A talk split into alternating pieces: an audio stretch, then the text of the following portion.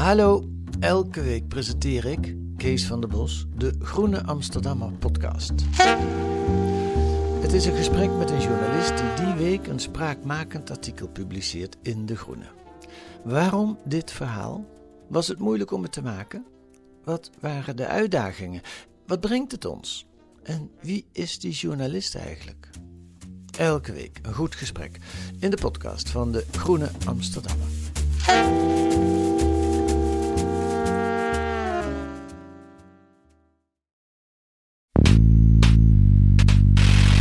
Je ziet eigenlijk de paradox dat de partijen die het hardste roepen omdat de ambitie nog hoger moet, zijn doorgaans ook de partijen die heel kritisch zijn op allerlei opties. Partijen die kunnen in één debat zeggen: uh, uw klimaatambitie van 55 of 60 procent is niet ambitieus genoeg, want de wereld vergaat.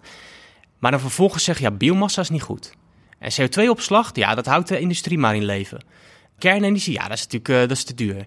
En zo kan ik een hele rits argumenten verzinnen, waarbij je als je helemaal doorgaat eigenlijk geen enkele technologie meer overhoudt. Dat realisme van, ja, maar hoe bouw je dan aan die transitie, die mis ik heel vaak. En, en ik vind dat ook uh, gewoon niet consistent. En wat je ook ziet, is dat men wil eigenlijk alleen maar over het eindplaatje praten. Dus over uh, um, een droom van een volledig klimaatneutrale economie. Nou, daar kunnen we het vast wel over eens worden. Maar wat zijn dan die tussenstappen? Ja, dan zul je toch ook tussenstappen moeten nemen die misschien niet gelijk perfect zijn. Dus gaan we in één keer naar groene waterstof of kiezen we ook nog de route via blauwe waterstof? Mag biomassa nog ergens een rol spelen? Wat doen we met de hele fossiele energievoorziening? Want die blijft ook nog een tijdje. Moeten we dan aardgas uit Nederland halen of ga ik het via smerig LNG uit de Verenigde Staten halen? Nou, al die tussenstappen, dat, daar hebben we het dan liever ook niet over. Want je zou maar eens als politicus vieze handen maken. Ja, en ik wil die, dus die onderwerpen wel bespreken. U wil vieze handen maken? Ja. Dit is Betrouwbare Bronnen met Jaap Jansen.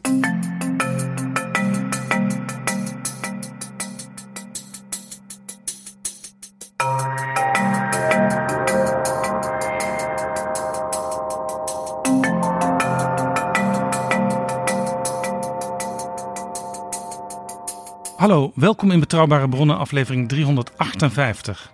En welkom ook PG. Dag Jaap. PG, het kabinet Rutte is halverwege. En laten we in deze aflevering eens gaan kijken waar Nederland staat met de klimaat- en energietransitie. Want dat is de grootste uitdaging waar Nederland samen met Europa en de rest van de wereld voor staat.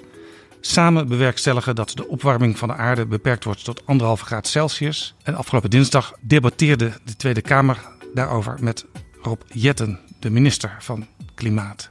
PG, wat wil je aan het eind van deze aflevering geleerd hebben? Nou, ten eerste, wat lukt eigenlijk wel en wat lukt nog niet? Uh, wat uh, mag nog wel een paar tandjes bij? Wat staat ons in de tweede helft van het kabinet Rutte 4 te wachten? Want men is nu halverwege. Nou, we hebben onlangs in een editie uh, hebben eens gekeken waar staan ze nu. Opmerkelijk een aantal hele grote dingen die al in de eerste helft zijn gelukt. De arbeidsmarkt, de pensioenen. Nou, is dat ook zo met energie? En dat betekent ook dat we op dit moment in die tweede helft van Rutte 4 ook uh, ik zeg maar de Europese Commissie Ursula 2 gaan krijgen. Uh, en daar zijn ook nog best met Nederland wel een paar botsingen over. Frans Timmermans was onlangs nog bij Caroline op bezoek. dus wat zou ook die tweede Commissie Ursula moeten gaan doen als vervolg op de grote lijnen van Timmermans?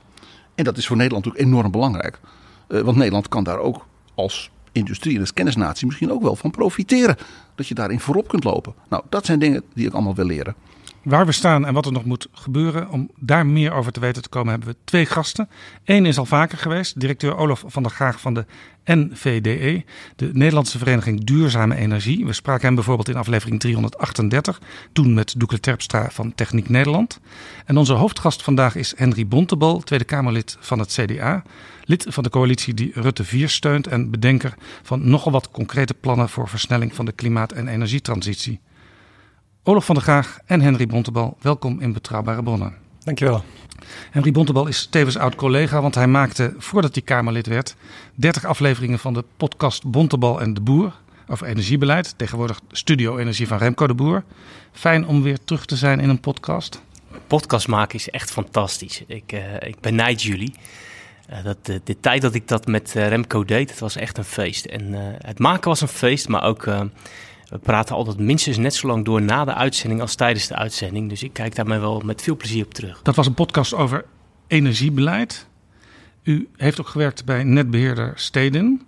Waar kwam oorspronkelijk die belangstelling vandaan bij u?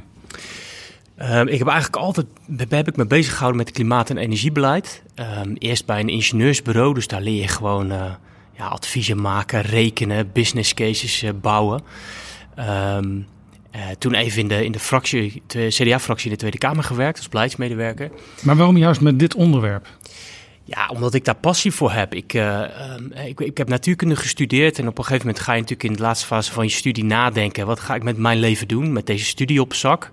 Je hebt ook bepaalde waarden in je, in je rugzak zitten. Um, en ik vond het belangrijk om aan een van de grootste uitdagingen waar nou ja, de wereld voor staat de komende decennia, om daar mijn brains uh, uh, voor te gebruiken. En ik dacht dat ik daar iets aan kon toevoegen. En, en toen werd u Kamerlid. Wat een treurigheid. En nee, dat was juist een, een, een, een zoveelste poging om nou ja, je talenten in te zetten bij de netbeheerder. Kijk, wat ik mooi vind aan uh, de netbeheerders is dat daar die uitdagingen, daar gaan we het straks vast nog ook over hebben, ook enorm groot zijn. En ik vind het wel leuk om in organisaties te zitten waar het niet zo makkelijk is, um, maar waar je af en toe gewoon een soort uphill battle hebt. Uh, nou, de netbeheerders, nou, bij het CDA was het misschien ook niet heel erg voor de hand Ja, want liggend. toen u net Kamerlid was, toen schreef u een nieuwe klimaatvisie voor het CDA. Wat was daar nieuw aan?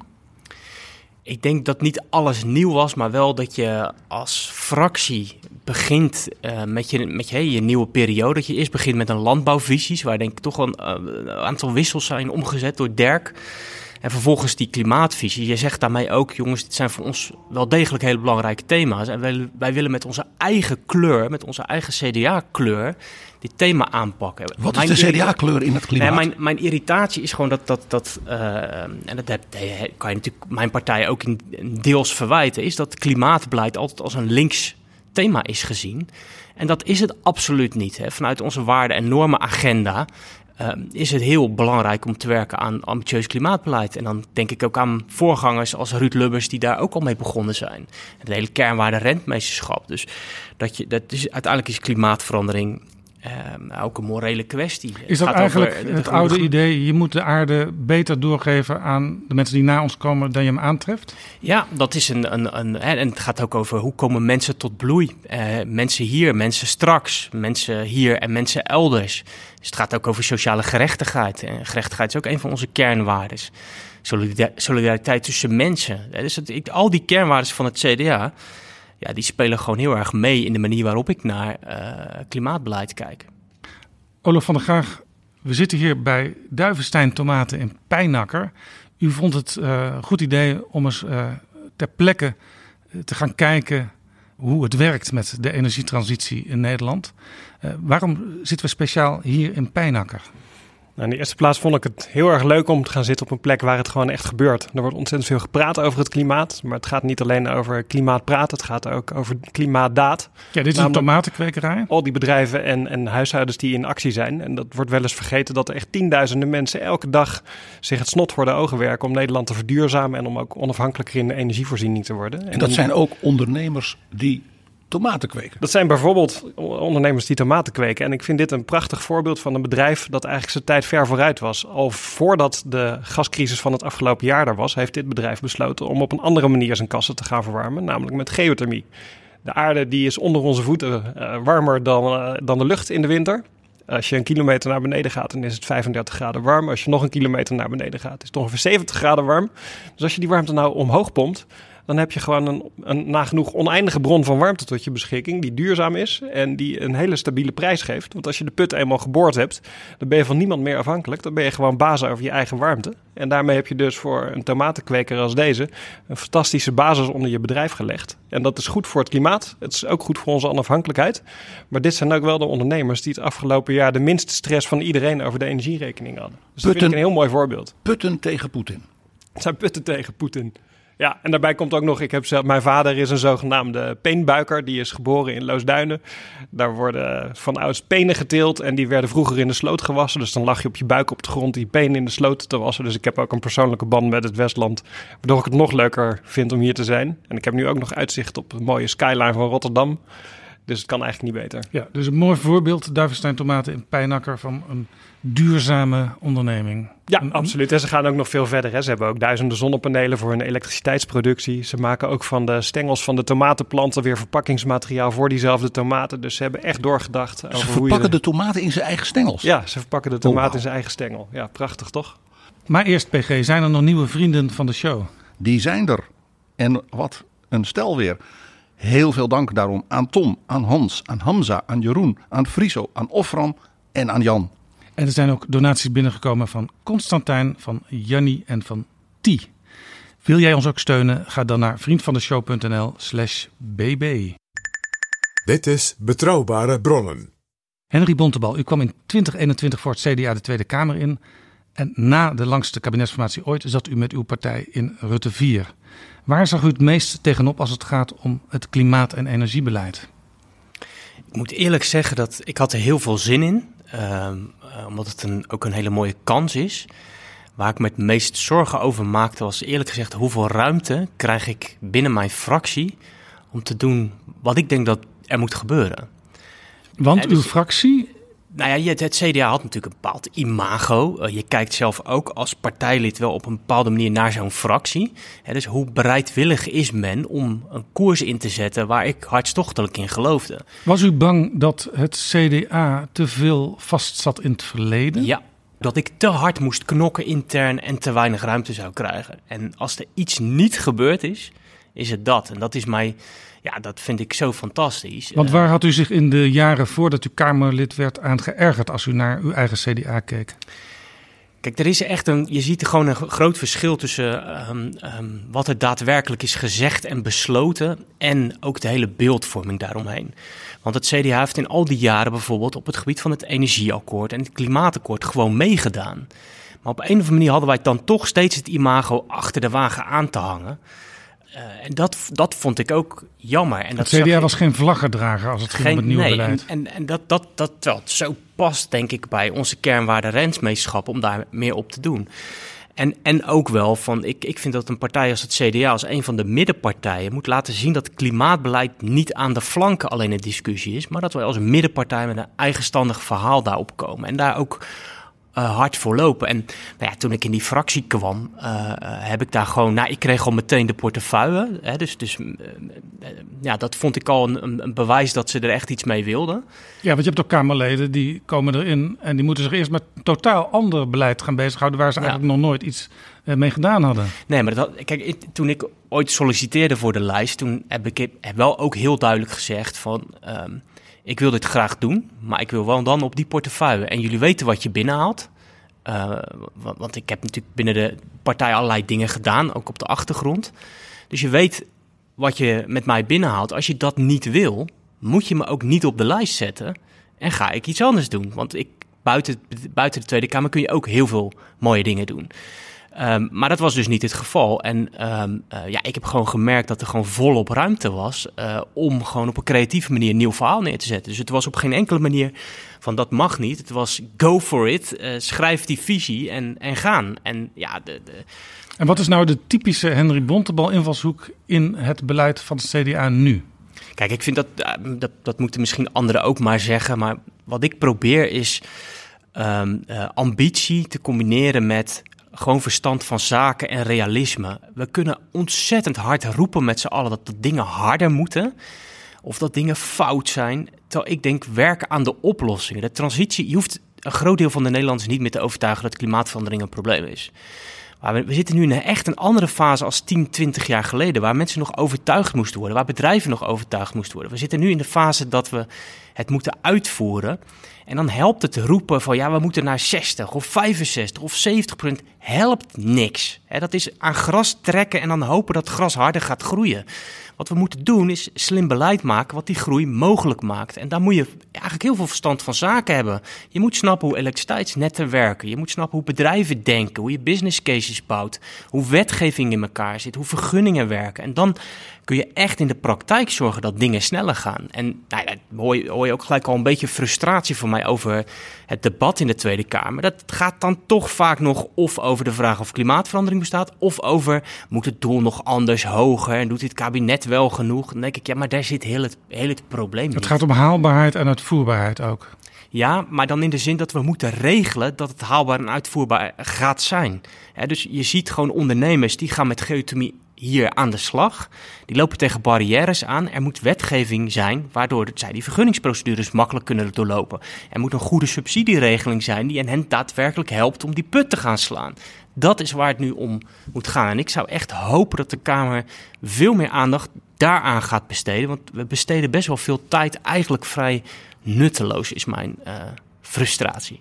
U zei net dat anderen dat maar misschien moesten zeggen wat die bonteballijn is. Als zeg maar, beschouwer van de Haagse politiek valt mij altijd op dat u in ongeveer elk debat uw collega's voorhoudt dat ze weer in een of-of discussie terechtkomen. Terwijl u zegt het moet en-en zijn. Wat bedoelt u daarmee? Je ziet eigenlijk de paradox dat de partijen die het hardste roepen uh, omdat de ambitie nog hoger moet, zijn doorgaans ook de partijen die heel kritisch zijn op allerlei opties. Het moet hard, maar dat mag niet en dat mag niet en dat dus, mag niet. Dus, dus de, hmm. de, partijen die kunnen in één debat zeggen... Uh, uw klimaatambitie van 55 of 60 procent is niet ambitieus genoeg, want de wereld vergaat. Maar dan vervolgens zeggen, ja, biomassa is niet goed. En CO2-opslag, ja, dat houdt de industrie maar in leven. Kernenergie, ja, dat is natuurlijk uh, dat is te duur. En zo kan ik een hele rits argumenten verzinnen, waarbij je als je helemaal doorgaat eigenlijk geen enkele technologie meer overhoudt. Behalve gas. En dat kan niet, want Groningen moet stil. Uh, ja, uh, dus en, en ja, dat, dat realisme van ja, maar hoe bouw je dan aan die transitie, die mis ik heel vaak. En, en ik vind dat ook uh, gewoon niet consistent. En wat je ook ziet, is dat men wil eigenlijk alleen maar over het eindplaatje praten. Dus over uh, um, een droom van een volledig klimaatneutrale economie. Nou, daar kunnen we het vast wel over eens worden. Maar wat zijn dan die tussenstappen? Ja, dan zul je toch ook tussenstappen moeten nemen die misschien niet gelijk perfect zijn. Dus gaan we in één keer naar groene waterstof of kiezen we ook nog de route via blauwe waterstof? Mag biomassa nog ergens een rol spelen? Wat doen we met de hele fossiele energievoorziening? Want die blijft ook nog een tijdje. Moet dan een aardgas uit Nederland halen of ga ik het via smerig LNG uit de Verenigde Staten halen? Nou, al die tussenstappen, dat, daar hebben we het dan liever ook niet over. Want je zou maar eens als politicus vieze handen maken. Ja, en ik wil die, dus die onderwerpen wel bespreken. U wil vieze handen maken? Ja, dus ik wil soms dingen verdedigen die moeilijk uit te leggen zijn. Dat, dus met biomassa is, is dat zo'n onderwerp. Ja, ik, ik krijg daar weinig uh, applaus voor als ik in de Telegraaf iets zeg over biomassa. Dan, dan stroomt mijn mailbox veel vol met hoe ik zo knettergek kan zijn om dat te verdedigen. Olaf van der Graag, uh, dit kabinet, Rutte 4, startte met een, met een ambitieus klimaat- en energiebeleid. was u blij met wat u aantrof in het regeerakkoord? Ja, zeer blij. Uh, ik heb grote waardering uh, voor uh, alles wat dit kabinet doet. We doen meer in Nederland dan ooit. Ik heb ja, want u vertegenwoordigt de, zeg maar, de bedrijven die aan verduurzaming doen. Die dus ook snel vooruit willen en die daar ook graag in gesteund willen worden door bijvoorbeeld wet en regelgeving die dat mogelijk maakt. Ja, en op hoofdlijnen voelen wij ons dus zeer, zeer gesteund. Uh, mijn achterban die werkt zich geslag in de ronde, die kan het werk niet bijbenen. Zoveel uh, reden is er nu om de transitie te versnellen. U heeft gewoon ook mensen tekort, hè? We hebben enorm mensen tekort, ja. Dus in principe is dit het beste regeerakkoord ooit in mijn ogen voor de energietransitie. En ik heb ook grote waardering voor de rol die uh, bijvoorbeeld Henry Bontebal daarin heeft gespeeld. Ja. En voor het eerst ook een minister van klimaat. Ja, ja. En wat ik heel goed vind is dat uh, in dit regeerakkoord uh, de lat hoog ligt qua doelstellingen, maar dat er vooral ook heel veel concreet uh, beleid op volgt. En dat gaat letterlijk over honderden maatregelen. Dus ik vind ook heel terecht wat Henry net zei. Hè? De, twintig jaar geleden ging die discussie heel vaak over waarom zouden we iets aan klimaat moeten doen. Maar dat is niet meer de discussie. De discussie is hoe moet het? En dan moet je vrij nauwkeurig en precies zijn vaak. U bent ook van die vieze handen dus? Zeker. Het is niet omdat het zo leuk is om vieze handen te maken, maar omdat we vooruit moeten. Ja, en omdat elke, elke oplossing ja. heeft heel veel voordelen, maar elke oplossing heeft ook wel één of twee nadelen. Ja, u zegt die discussie is er niet meer of we, of we überhaupt iets aan klimaat moeten doen, maar soms in de Tweede Kamer dus nog af en toe wel hoor ik van Henry Bontebal. Ja, we hebben de Tweede Kamer heel hard nodig. En misschien kan ik ook gewoon een concreet voorbeeld geven... Waar, hoe ik dan de, bijvoorbeeld de methode Bontebal ervaar... Uh, op zoek naar die concrete oplossingen. We weten dat in Nederland het grootste deel van onze energie over warmte gaat. De helft van onze energie is warmte. Tegelijkertijd zien we dat de belangrijkste subsidieregeling in Nederland, de SDE++, heel goed werkt voor zon- en windenergie, ook voor CO2-opslag. Maar eigenlijk kwam warmte daar systematisch niet aan bod. Wat de regering nu gedaan heeft, mede aangemoedigd door Henry Bontebal, is zorgen dat er een apart geoormerkt budget komt, waardoor duurzame warmte, bijvoorbeeld geothermie en wat mij betreft ook duurzame biomassa, een veel betere kans krijgt in die SDE-regeling. En dat betekent dat geothermie opeens een enorme boost krijgt en we dus niet die transitie alleen maar met zon en wind en CO2-opslag hoeven kan, te doen. Hoe kan dat, Henry Bontebal, dat, dat, dat warmte eigenlijk een uh, beetje vergeten kindje was? Dat had eigenlijk dus weer met de subsidiesystematiek te maken. En dat bedoel ik ook met dan je gewoon goed informeren. Onder Wiebes was eigenlijk wat ze dan noemden de, de tonnenjacht leidend. Dus dat was gewoon kostenefficiëntie stond ja, minister Wiebes. Minister vorige Wiebes. minister ja. het kabinet. Ja, dus dat, en er zat een logica achter, namelijk je, je, hè, je, we hebben niet onbeperkt geld, dus dat, je wil zoveel mogelijk CO2-reductie voor dat geld. Maar dan, daarmee zet je niet altijd de juiste transitiepaden in. Dus soms moet je net iets meer geld uitgeven om een bepaalde technologie wel vooruit te helpen. Een ander nadeel is, als je alleen maar naar kostenefficiëntie kijkt, is dat er heel veel fluctuatie per jaar over die technologieën komt. Dus het ene jaar dan scoorde zon vreselijk goed, maar het jaar daarna weer niet, want dan werden ze weggedrukt door een andere technologie. De achterban van Olof kan daar niet op investeren. Dat is een zwabberbeleid. Het het is voor hun, eh, eh, leidt het in sectoren tot zwabberbeleid. Maar dan moet je dus heel precies naar die regeling gaan kijken en gaan bedenken, hoe maken we dat dan beter? Nou ja, ik heb destijds toen, dat was, dat was volgens mij nog in de periode dat we nog geen kabinet hadden. Toen ben ik met de EZK ook gaan praten over van, moeten we dat dan niet een beetje loslaten en schotten gaan inbouwen? Dus eigenlijk een soort hekjes, zodat je altijd een bepaalde ja, subsidievolume hebt voor bepaalde technologieën en dat die concurrentie daarboven dan plaatsvindt. Nou, het is in- ingewikkeld om nu helemaal uit te leggen, maar en dat is ook op een gegeven moment over, overgenomen. Dat heeft Dylan uh, Jezielkus, toen zij eh, nog staatssecretaris was, heeft ze dat eigenlijk overgenomen in die STE++.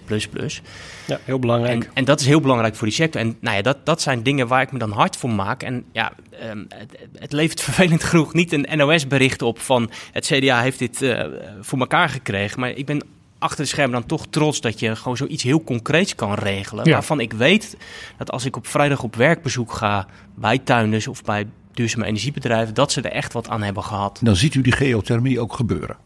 Ja, Zoals en- hier. ja, en dat is fantastisch.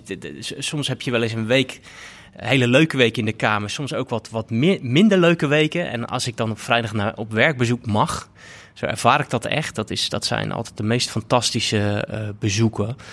Eh, en die inspireren me altijd eigenlijk weer om dan de maandag daarop weer eh, in de Kamer aan de slag te gaan. Olaf van der Graag, het kabinet startte in januari 2022. Op 24 februari viel Rusland Oekraïne binnen. En al snel werd onze energie onderdeel van de geopolitiek. Wat dacht u toen? Dit is ingewikkeld, maar het helpt ook om mensen mee te krijgen in een snelle transitie? Ja, toevallig zat ik toen net in eh zolder-isolement omdat ik eh, corona had. Eh, dus ik werd toen 's morgens wakker en ik dacht, wat kan ik in vredesnaam doen voor die afschuwelijke situatie in Oekraïne? En ik kan geen raketwerpers eh, leveren. Eh, mijn vrouw vond het ook geen goed idee als ik naar Oekraïne zou gaan om mee te vechten. Eh, maar wat ik wel dacht te kunnen doen, is te proberen iets aan die energievoorziening eh, bij te dragen. Dus we- ik heb toen dat weekend met collega's gewerkt aan een plan om te kijken hoe we zo snel mogelijk eh, minder aardgas zouden kunnen gebruiken in, in Nederland. Met allerlei praktische voorstellen, variërend van energiebesparing, waar je op hele korte termijn gas mee kunt besparen, maar ook voorstellen die meer voor de lange termijn. Want u dacht meteen al bij die inval, dit heeft consequenties voor onze gasvoorziening in Nederland. Ja, dat. En het was ook zo dat ik eh, het onuitstaanbaar vond dat die raketten die op die eh, woonwijken in Kiev vielen, werden betaald met onze eh, euro's die wij betalen voor Russische olie en gas. Dus het was eigenlijk een dubbele motivatie. Ik vond het echt onuitstaanbaar, maar ik dacht ook wel, ja, we moeten nu echt dit gebruiken als een wake-up call om nog sneller eh, te verduurzamen waar we dat kunnen. Ja, en dat is het ook geworden, hè, Henry Bontebal, een wake-up call. Nee, De urgentie van klimaatverandering die was er, maar ja, dit kwam daar overheen. Ja, we hebben natuurlijk gasprijzen gezien, gigantisch. Dat was natuurlijk gewoon complete paniek op de gasmarkt. Dus de noodzaak om iets te doen aan minder fossiele brandstoffen, die wisten we al, maar die werd daarna natuurlijk zo duidelijk. En, en niet alleen, alleen even van hè, die oorlog en hoge prijzen, maar ook het feit dat je dus er zo afhankelijk van bent en dat energie dus gewoon een geopolitiek wapen is. En Dat je dus dit- chantabel bent Precies, dat economie. je dus niet meer alleen maar kan denken vanuit marktmechanismen. Zo van, nou ja, de- het komt wel ergens vandaan en de prijsvorming doet, doet zijn werk. Dus wij hebben altijd energie.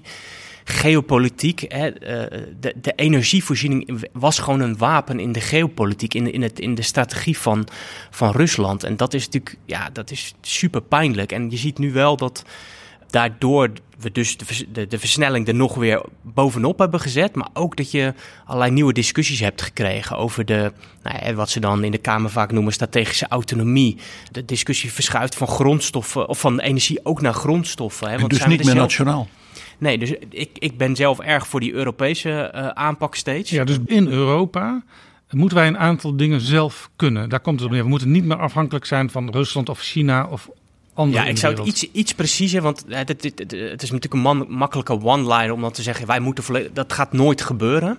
Maar dit gaat er dus over eh, vooral kwetsbare afhankelijkheden. Dus dan moet je ook gaan nadenken over dingen als, ja, waar we het vroeger wel de, over de durfden te hebben in de, energie, eh, in de energiepolitiek, dat is gewoon diversificatie. En met welke landen doe je dan handel? En is dat gediversifieerd? En als er één zich gek gaat gedragen, heb je dan nog een backup ergens? Dus dat aspect, dus dat de energievoorziening niet alleen betaalbaar zou moeten zijn en ook duurzaam, maar dat daar ook een hele grote geopolitieke eh, component aan zit, dat is wel heel erg duidelijk op het netvlies gekomen. Dus toch liever Noorwegen dan de mullahs in Teheran. Exact. En dat kan geld kosten. Dat is de consequentie Ja, daarvan. want dat hebben we nu gezien met Ja. Nord Stream en alles. Ik denk dat veel eh, mensen en bedrijven ook lang hebben gedacht dat je moest kiezen tussen of duurzame energie of betaalbare en betrouwbare energie. En afgelopen jaar zag je eigenlijk dat duurzaam, betrouwbaar en betaalbaar samen konden gaan. En dat je dus niet meer hoeft te kiezen tussen die twee. En volgens mij is dat een hele systematische verandering ook in de perceptie van energie. En wij zien dus ook dat eh, mensen hebben voor 11 miljard euro hun huis verduurzaamd afgelopen jaar. Dat is veel meer dan ooit. En 11 bedrijven- miljard? 11 miljard euro hebben Nederlanders geïnvesteerd in de verduurzaming van hun woningen. Kun je dus ook zien hoe ongelooflijk rijk wij zijn hè, als land. Ja. Dat doen we gewoon. Ja, ja, en natuurlijk niet alle Nederlanders doen hier aan mee. Hè? Dus er is denk ik wel extra actie nodig om te zorgen dat de mensen in de armste wijken van Nederland ook dit soort stappen kunnen gaan zetten. Maar in principe willen mensen graag. En bedrijven idem, de bedrijven die een, een, geothermie-project hadden gerealiseerd, die zaten er goed bij. Maar ook de bedrijven die een lange termijn stroomcontract van een windpark op zee hadden, zoals de Nederlandse spoorwegen, die hadden opeens geen stress over de energierekening. Dus die waren en duurzaam, en betaalbaar, en betrouwbaar. Want die windmolens, als ze er eenmaal staan, de Nederlandse wind blijft echt wel waaien. Harry Bontebal, u bent van, van de politiek. Dus u kunt ook vertellen hoe je eh, mensen bijvoorbeeld in arme gezinnen meeneemt in die energietransitie. Want ik kan zonnepanelen op mijn dak leggen, eh, want ik kan betalen. Maar er zijn ook mensen die denken van ja, waar moet ik dat van betalen? En die wonen vaak ook al in slecht geïsoleerde huizen. Ik denk eerlijk gezegd dat wij twee jaar geleden met het coalitieakkoord hier een, een, ook een echt een afslag hebben genomen. En die afslag moet in de praktijk nog zichtbaar worden. Maar wij hebben toen we de coalitieonderhandelingen deden, dus met, met eh, Pieter Grismis van de ChristenUnie, Raoul Bouke van D66 en eh, Silvio Erks van de VVD. Hè, we zijn een beetje leeftijdsgenoten en wij hadden al heel snel op tafel, het moet een rechtvaardige transitie zijn. En de focus die heeft denk ik te veel nog gelegen op mensen die het zich konden veroorloven. En te weinig op mensen die gewoon de energierekening niet konden betalen. Ja, de Wetenschappelijke Raad voor het Regeringsbeleid noemt dit klimaatrechtvaardigheid. Ja, en, en, en wij hebben toen gezegd van nou, waar is dat het meest tastbaar? Nou, gewoon in de woning van mensen. Ehm, eh, daar wordt ook gewoon een hele dikke energierekening betaald. En nou, toen was het nog voor die eh, oorlog in de Oekraïne, maar daarna is het nog pijnlijker duidelijk geworden. Dus ik denk bijvoorbeeld een hele belangrijke wissel is geweest, is dat, dat de, de, bijvoorbeeld de verhuurdersheffing is eraf gegaan.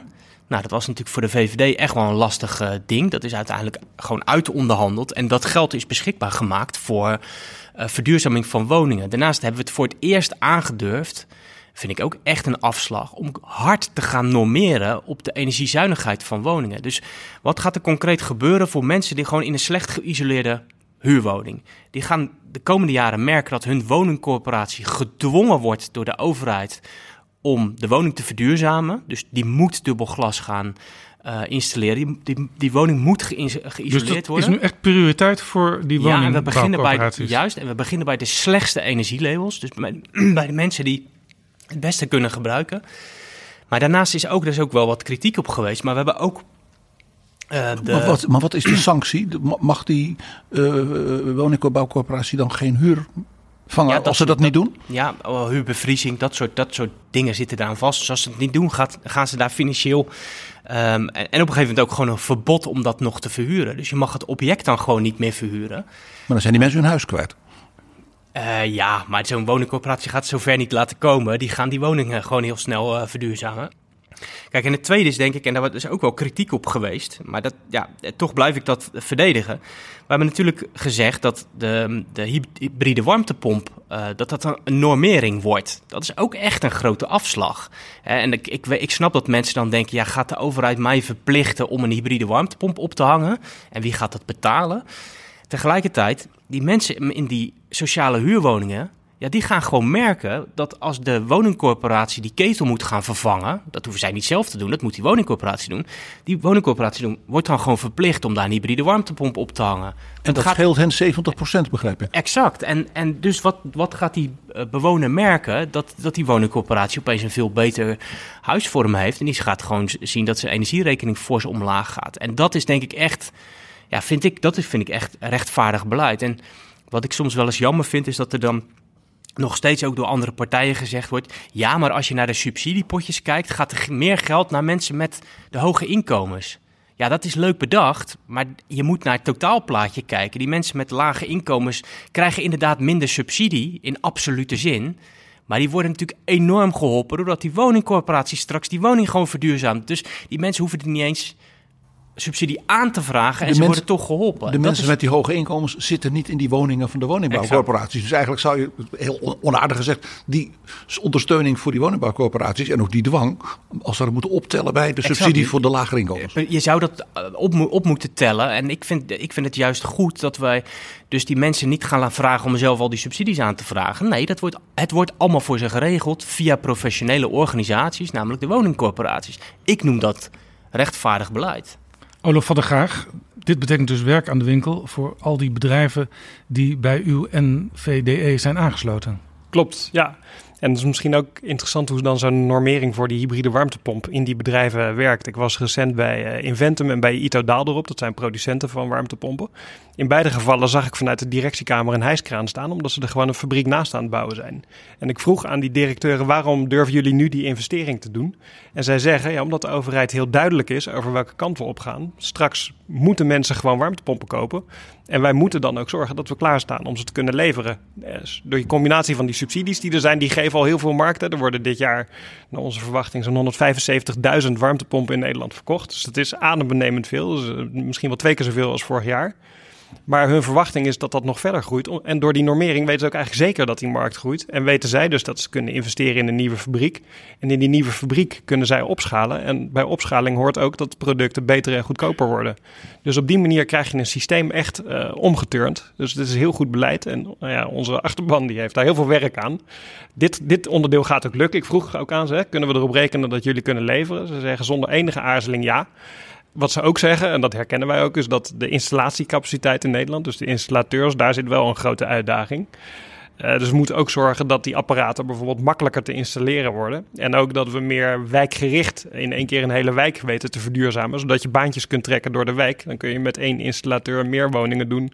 Dan als je er vandaag eentje in Pijnakker doet en morgen eentje in Purmerend. En dit is ook een mooi voorbeeld van die kwetsbaarheden, autonomie. Want als je zegt van ja, we moeten die warmtepompen verplichten. Ja, maar die moeten we importeren uit China. Ik zeg het maar eens even heel onaardig.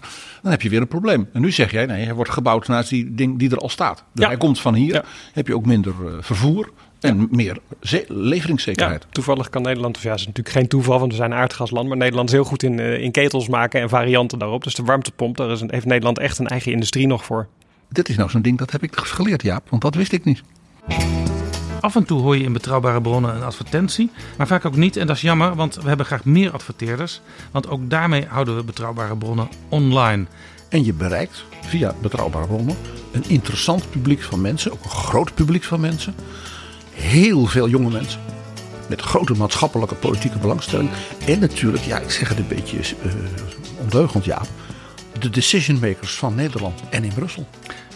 Stuur een mailtje aan adverteren.daganacht.nl en dan neemt de reclameafdeling van Betrouwbare Bronnen, ja ja, neemt dan contact met je op.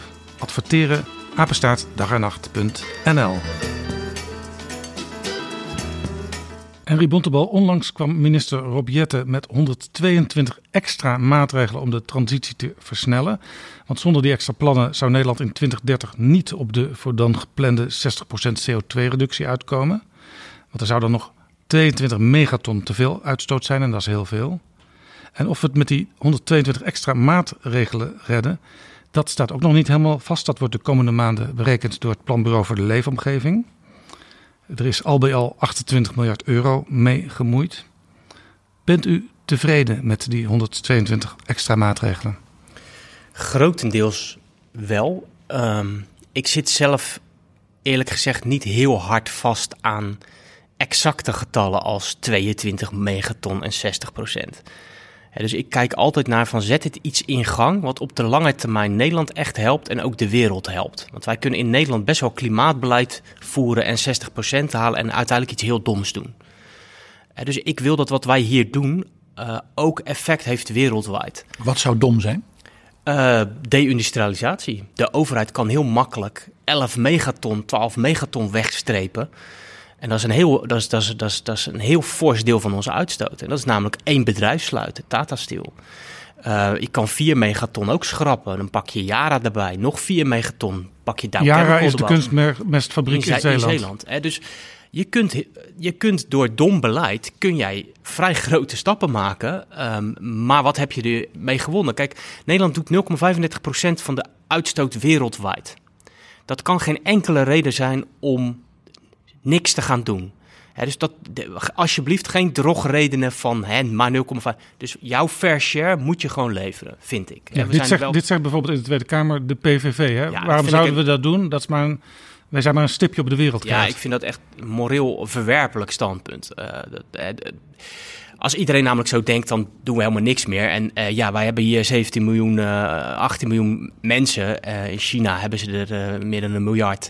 Dus dat dat land ook een aantal factoren hoger aan uitstoot heeft en ook meer investeert enzovoort. Het gaat natuurlijk over wat is je eerlijke aandeel op het totaal. Ja, maar u zegt dus, je moet dus niet grote stappen snel thuis.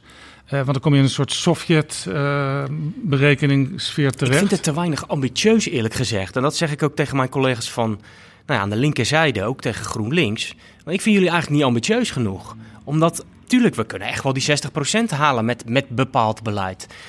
Maar als je wereldwijd echt effect wil hebben als Nederland op de klimaattransitie, laten we dan in hemelsnaam hier een aantal dingen doen die straks over de hele wereld bruikbaar is. Bijvoorbeeld door technologieoverdracht.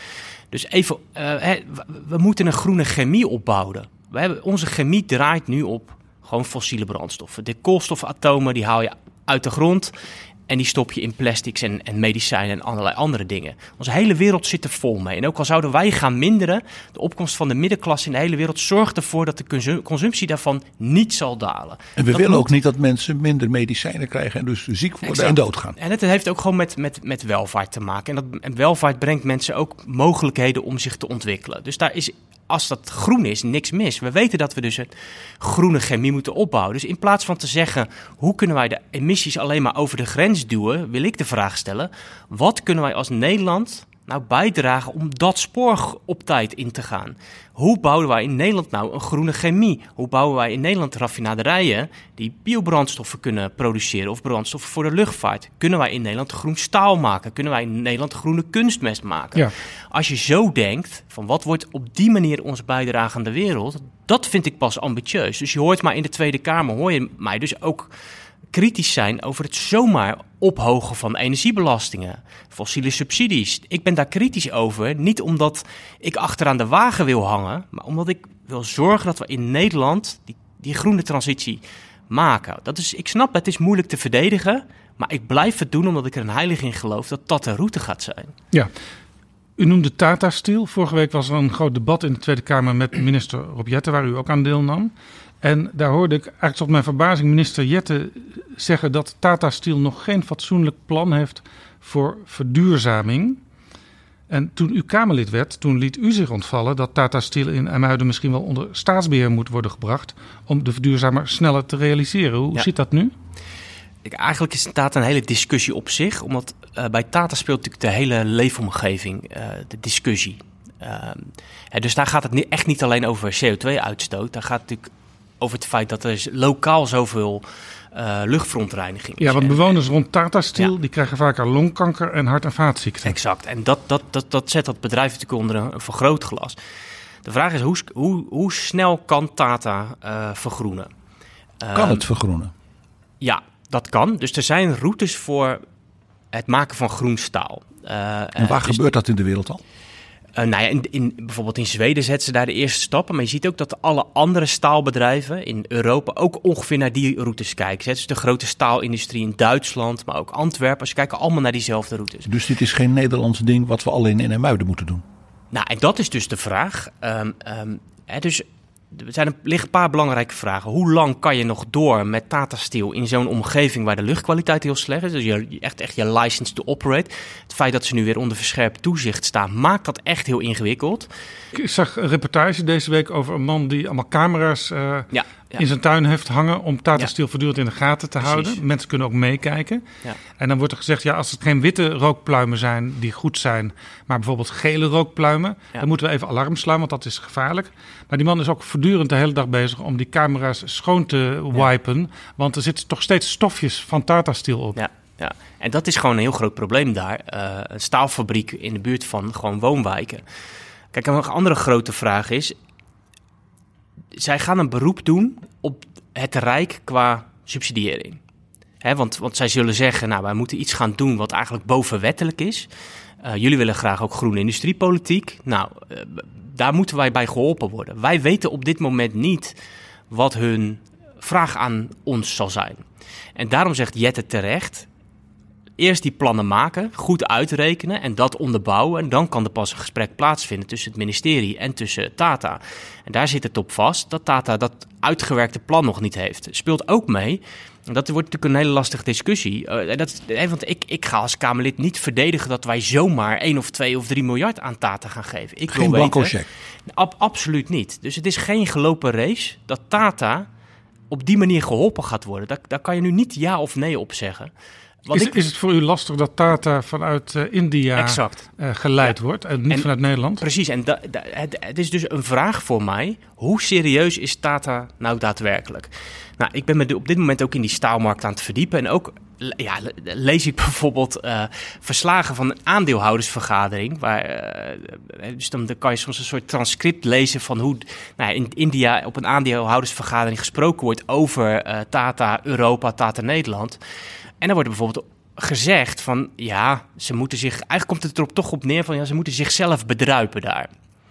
Um, maar als je natuurlijk miljarden gaat investeren in zo'n bedrijf, ja, dan kan het wel degelijk zijn dat Tata Nederland, Tata een beroep moet gaan doen op India. Nou, ik kan niet goed inschatten of Tata India dan bereid zou zijn om daadwerkelijk dat geld dan ook naar Tata Nederland over te gaan maken om die investering te doen. Want het is een investering.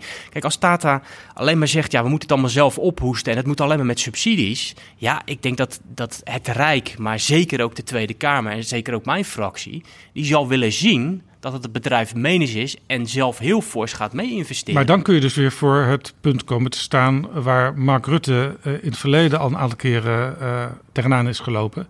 Dat grote internationale bedrijven zeggen, ja, wij gaan onze vestiging in Nederland sluiten. Dat kan dus, ja. Maar uiteindelijk moeten wij dus de maatschappelijke afweging maken. Dat, dat, hè, dus die sluiting, dat betekent uh, enorme verlies van werkgelegenheid. Directe banen, indirecte banen. het verlies van de staalindustrie uit Nederland. Er staat tegenover dat het probleem met eh, lucht, uh, luchtkwaliteit natuurlijk dan ook daar voor een groot deel is opgelost.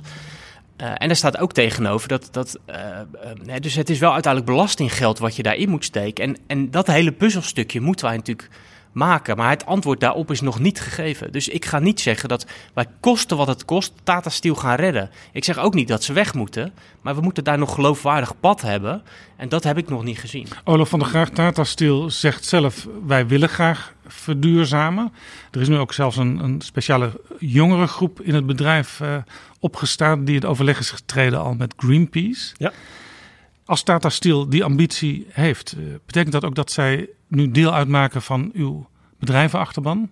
Nou, we zijn wel in gesprek met hun. Ik vind het zelf in principe ook een heel wervend idee dat we groene staal in Nederland zouden hebben. We hebben staal voor van alles nodig, ook voor de energietransitie, windmolens, zonnepanelen, auto's. Uh, de staal is een belangrijk product dat ook nog eens heel goed recyclebaar is. Dus in principe uh, is dat een wervend idee. Ja, interessant. U noemt windmolens met name. Je hebt dus voor de verduurzaming ook staal nodig. Exact. Gewoon in Nederland elke dag. Ja, dus, dus dat is een aantrekkelijk concept. Uh, het is eigenlijk technisch ook relatief overzichtelijk. Hè? Als je 400 windturbines op zee bouwt een dikke elektriciteitskabel neerlegt, een buis voor groene waterstof en Tata zijn fabriek laat verbouwen, dan heb je een groen staalbedrijf.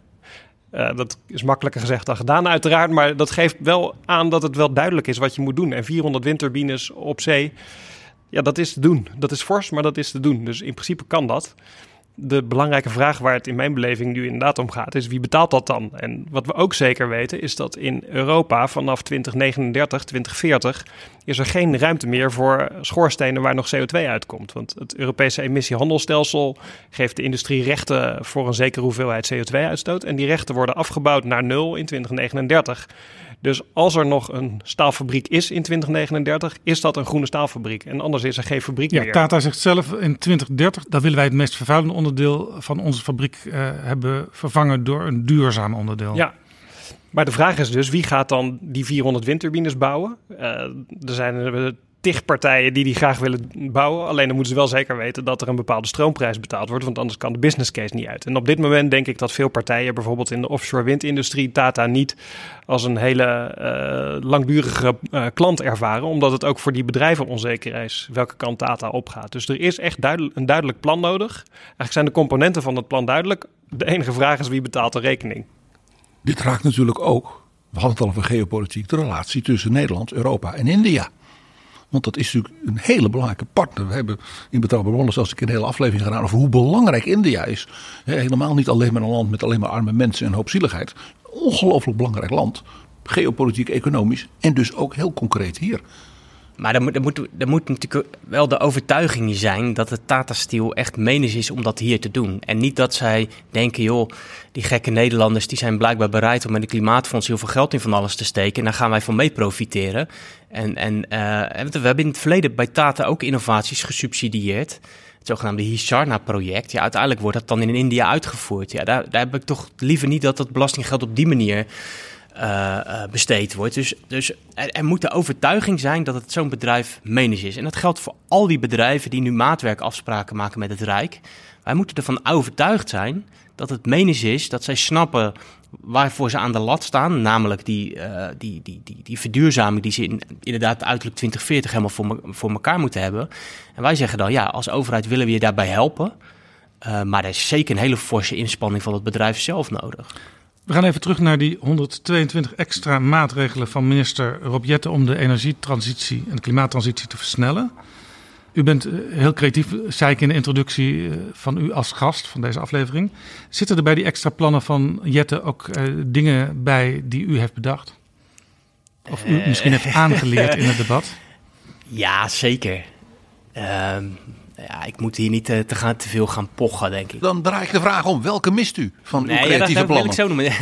ja, ja, sometimes you win en, en ook verlies je wel eens iets. Um, nee, kijk, ik heb vanaf mijn vanaf het begin dat ik Kamerlid ben, heb ik voor een aantal grote dingen gepleit. Dus die groene industriepolitiek, die zit in het klimaatbeleid. Die maatwerkafspraken, dat is echt een CDA-ding, hebben wij erin uh, uh, onderhandeld. Dus ik ben heel blij dat daar elke keer weer meer aandacht voor komt... en dat daar ook FTE's voor komen, dat om voor elkaar te krijgen. Ik, heb, ik probeer ook constant de randjes op te zoeken van dingen die nog niet geagendeerd zijn. Hè? Dus zon en wind is iedereen wel voor. Daar hoef ik niet meer voor te pleiten, want dat gebeurt toch wel. Hè? Dus wind op zee enzovoort, collega's pleiten daarvoor. En dan denk ik, oké, dat, dat weet je, is wel geregeld. Dus ik probeer steeds dingen te agenderen die, waarvan ik vind dat ze ook nodig zijn, maar nog niet op de agenda staan. Ja, en die misschien soms vergeten worden, zoals we ja. eerder al in dit gesprek vertelden. Ja, dus negatieve emissies. Dat we op termijn ook zeg maar, CO2 uit de lucht moeten gaan halen. Ik vind dat die discussie gestart moet worden en dat we ermee aan de slag moeten gaan. Dus die staat nu in het pakket. Wacht even, want dit gaat heel snel. Negatieve emissies. Ja, Kunt dus, u dat dus, heel even uitleggen? Ja, je, we, hè, dus we, we, we, moeten de uitstoot naar nul brengen, maar het zal niet zo snel genoeg gaan om echt de meest gevaarlijke klimaatverandering te voorkomen. Dus je, de wereld zal ook in de periode na 2030, 2040, 2050 aan de slag moeten gaan met het netto CO2 verwijderen uit de lucht. En wat zegt die, die, die moet gewoon weg? Ja, en dat kan bijvoorbeeld, we hebben een aantal routes. Je kunt natuurlijk gewoon herbebossen, dus dat is, dat is heel goed. Er zijn allerlei natuurlijke methodes, maar je hebt ook zoiets als bijvoorbeeld dat je met biogrondstoffen aan de slag gaat. En dat je daar de CO2 die erbij vrijkomt uh, afvangt en onder de grond stopt.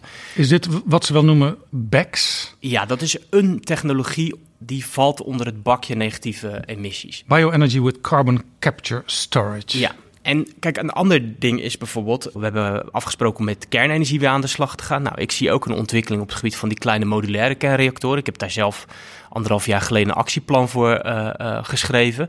Nou, die zie je nu ook weer prominent terug in het klimaatpakket. Uh, dus zo zijn er gewoon een aantal dingen die ik daar probeer in te krijgen. En dat lukt dan. En ja, gelukkig word je daar ook gewoon geholpen bij andere partijen die, die, die dit ook uh, belangrijk Maar er zijn heel veel dingen. Hè. Dus de extra energiebesparing voor bedrijven, ja, dat vind ik ook natuurlijk heel erg belangrijk. Uh, dat we nog kijken of we met zonne-energie op zee misschien nog iets kunnen. Ja, dat, natuurlijk vind ik dat belangrijk. Dus op al die punten probeer ik gewoon dingen te agenderen. Ja. En er zullen ook dingen in staan waar ik wat minder blij mee ben. Maar... Even over die kernenergie, want dat kwam tot verbazing van sommigen in het coalitieakkoord. Dat heeft u er met de VVD samen ingekregen. Waarom is kernenergie voor u zo belangrijk? Daar hadden we toch eigenlijk afscheid van genomen. De Duitsers die hebben het al helemaal uh, verabschiederd. Onder leiding van een christendemocratische ja. kanselier. ja. U bent, u bent een, een, een, een ketter. Ja, nou ja, dan maar een ketter. Um, nee, voor mij is kernenergie gewoon simpelweg een stukje van de puzzel. Dus um, het kernenergiedebat is weer zo'n prachtig debat waar je blijkbaar links of rechts moet zijn. Dus of je bent rechts en je zegt uh, Nederland kan alle problemen oplossen met kernenergie. Of je bent links en je zegt nou dat is echt heel fout en daar moeten we niet aan beginnen. Ja, ik kijk gewoon heel logisch naar die technologie en uh, uh, bedenk dan kan die een rol spelen in het verduurzamen van Nederland? ja, uh, maar laten we alsjeblieft niet doen alsof kernenergie de oplossing van alle problemen is, want dat is het niet. Dat levert stroom. En stroom dus, is maar een heel beperkt deel van ja, de energie. we gaan veel meer stroom gebruiken, dus dat speelt mee. Um, um, uh, wind en zon hebben zo ook hun nadelen. Die hebben ook een groot ruimtebeslag. Dus ik, wat ik heel simpel doe, is kijken van welk stukje van de puzzel uh, los ik ermee op? Welk, welk onderdeel kan het in een optimale mix zijn? Nou, dan denk ik ergens dat als je een plaatje zou maken van 2050 en je zou zeggen, nou, uh, we hebben heel veel elektriciteit extra nodig omdat we de industrie aan het verduurzamen, wonen zijn aan het verduurzamen, de mobiliteit zijn aan het verduurzamen. Dus we hebben heel, heel veel meer elektriciteit nodig, factor 4, 5, 6 misschien wel uh, meer dan nu. We gaan waarschijnlijk ongeveer drie kwart met hernieuwbare energiebronnen doen, met wind vooral, heel veel wind, ja. uh, zon. En we gaan ook een stukje van die puzzel met kernenergie. En laten we alsjeblieft ophouden met die schijngevechten en gewoon aan de slag gaan. Want we hebben het gewoon allemaal nodig. Dus dit kabinet zegt er zijn twee nieuwe kerncentrales nodig in Borselen. Wanneer zijn die in gebruik? Ja, ik denk dat het meest realistisch is om te denken dat die twee grote ergens rond 2035 uh, in gebruik zijn. Dat is al vrij snel. En u wil dus ook kijken naar kleinere kerncentrales die op ja. verschillende plekken in het land uh, ja, bij de industrie kunnen staan? Ja, dus, dus naast... Ik neem aan in gemeenten met VVD en CDA-burgemeesters. Uh, nou, ik, ik, ik, ik gok erop zelfs dat ook de, het sentiment binnen partijen als GroenLinks op dit punt gaan dra gaat draaien. Met name dan vanwege de jongeren. Uh, als ik met de jonge klimaatbeweging bijvoorbeeld praat, die zitten er allemaal veel minder dogmatisch in. Ik vraag aan Olaf van der Graag. U was vroeger lid van uh, en actief in GroenLinks. Heeft u waarschijnlijk ook wel tegen kernenergie gedemonstreerd? nee, ik heb nooit tegen kernenergie gedemonstreerd. Ik vind de uh, kernenergiediscussie vond ik heel lang symbool voor de meest zinloze discussie van Nederland als het gaat om de energietransitie. Er is 50 jaar fel debat gevoerd. En de voorstanders hebben er geen kerncentrale bij gekregen. En de tegenstanders hebben borstelen niet dichtgekregen. Dus 50 jaar alleen maar lucht verplaatst. Dus het is vooral voor mij een, een symbool. Misschien dacht u toen al wat uh, Bontbal nu hoopt van die jonge klimaatbeweging. Dat die op een andere manier naar dit fenomeen kijken. Ja, en dat merk ik gewoon. Uh, uh, dus die houden, want ik heb ze van de week nog weer gesproken. Dat zijn mensen die houden je gewoon bij de les. Van, die zeggen er moet meer ambitie, het moet harder. Maar die kijken veel pragmatischer naar wat dan nodig is. En, en ja, in mijn optiek, die hele discussie over kernenergie is echt een jaren 60 discussie. Je ziet ook mensen uit de jaren 60 nog steeds actief staan. Hè? Die, en, dan wordt er gesproken in Borselen over, over een kerncentrale. En dan zie je die mensen daar weer heen reizen met z'n allen in een busje om dan dezelfde protesten te gaan doen. En ik denk, jongens laten we alsjeblieft uh, verder gaan. Oh. Kernenergie gaat een onderdeel van de mix zijn. En op die gebied van die SMR's verwacht ik best wel veel ontwikkeling. Vroeger werd er wel gezegd, uh, bijvoorbeeld vanuit de VVD, over windmolens die draaien op subsidie. Kernenergie kun je ook niet exporteren zonder veel subsidie van de overheid. Ja, dat, dan, dan, dan ga je het hebben over wat is dan subsidie. Kijk, ik bekijk dit op systeemniveau dus um, als jij een individuele windmolen neerzet of een individuele zonnepaneel, dan zit daar een bepaalde business case aan vast. Maar die hangt heel sterk af van hoe de rest van dat energiesysteem eruit ziet. En in dat energiesysteem zitten ook nog allerlei kosten, namelijk de kosten van de netten enzovoorts. Dus wat je moet doen is eigenlijk met een helikopterblik erboven gaan hangen en niet naar de individuele business case kijken, maar eerst gaan kijken wat zou nou een optimale mix voor Nederland zijn. Een mix die helemaal CO2-vrij is. Wat heb je dan nodig? Hoeveel wind? Hoeveel zon? Uh, past kernenergie? wat doet dat met de elektriciteitsnet? Hoeveel batterijen heb je nodig? Hoe flexibel moeten bedrijven op en af kunnen schakelen? Nou, en dan uh, is de vraag: past kernenergie daarin? Ik denk dat de studies laten zien dat kernenergie daarin past. Niet voor 50 procent. Ik gok zelf ergens tussen de 10 uh, en 20 procent. Um, en dan ga je ook andere aspecten meenemen. Dus dan neem ik ook mee ruimtegebruik. Dus in Nederland is een, een land met weinig ruimte. Uh, dus dat, dat weeg ik mee. Uh, maar ook dingen als diversificatie. Ik wil niet een energiesysteem wat alleen maar heel zwaar op wind op zee hangt of op waterstof. Ik wil um, um, ja, meer dingen in het bandje hebben liggen, ook vanuit het idee van een robuust energiesysteem. En dat zijn voor mij afwegingen om ja, voorstander van kernenergie te zijn. Maar net zo goed ben ik dus voorstander van dat wind op zee. Dat is ook prachtig. En ik, ik vind zonneceltechnologie een van de meest fantastische technologieën. We moeten meer aan batterijen doen. Maar dit is dat en, en, en van u dus, hè? Ja, dat is dat en, en, en. En dat is natuurlijk nooit tot in het extreme. Want hè, je, ik vind dat je ook een discussie mag voeren over hoeveel wind op land is nog mogelijk. Ik vind dat je een discussie mag voeren over zijn zonneweiders nou echt wel de meest slimme vormen van het benutten van agrarische uh, grond. Dus, dat, dat was toch een club onder leiding van Henk Bleker die daar zo voor is? Ja, ja. Ja, die, was, die vond dat, dat bedrijf dat legde dus uh, heel veel zonnepanelen in weilanden neer. Maar goed, daar zie je in het coalitieakkoord hebben we daar gewoon afspraken over gemaakt. Over hè, dus de, de, de toepassen van de zonneladden. We willen zon heel veel, maar dan vooral op het dak. Sowieso gaat zonne-energie echt adembenemend snel in Nederland. In de maand mei kwam 30% van onze stroom van de zon. Dat was negen jaar geleden in mei 1%. Dus we zijn in negen jaar van 1% naar 30% zonnestroom gegaan. Nederland heeft de meeste zonnepanelen per hoofd van de bevolking van heel Europa. En sowieso die verduurzaming van de elektriciteit gaat echt met, met raketsnelheid. Nederland, jaar... Nederland, Nederland, was een achterloper hè, in Europa. Ja, op elektriciteit is daar geen sprake meer van. In uh, eind van dit jaar denk ik dat we richting de 50% duurzame stroom zitten in Nederland. En in 2030 zitten we al op 85%. De grote uitdaging is denk ik tweeledig. Het eerste is die aanvulling op zon en wind. Want zon en wind gaan hun eigen gangen. Je hebt ook iets nodig om te zorgen dat het systeem blijft werken. Daar heeft Henry gelijk in. En waar Henry ook gelijk in heeft, is dat de uh, vraag naar elektriciteit enorm toe zal nemen. Uh, dus we zullen ook door moeten gaan met zon en wind en al die andere vormen. Om te zorgen dat we ook uh, mensen ja. met een elektrische auto, een vrachtwagen, een warmtepomp. Die energienetten, zijn die wel toereikend genoeg voor die enorme vraag die nu ontstaat? Ja, nou, op de korte termijn is het antwoord nee, dat, dat redden ze niet. Die netbeheerders die investeren zich ook weer een slag in de rond. Hè. Er gaat iets van 8 miljard euro op jaarbasis geïnvesteerd worden in de uitbreiding van het elektriciteitsnet. Maar die uitbreidingen die hebben ook menskracht nodig. Knelpunt 1, die hebben een vergunning nodig. Nou, daar hebben we vaker over gehad. En dat duurt vaak een jaar of acht in Nederland voordat je een vergunning hebt. Ja, hier is ook een rapport over verschenen van de Boston Consultancy Group. En die, die vraagt zich af of, of Tenet het allemaal wel kan, uh, kan bijbenen.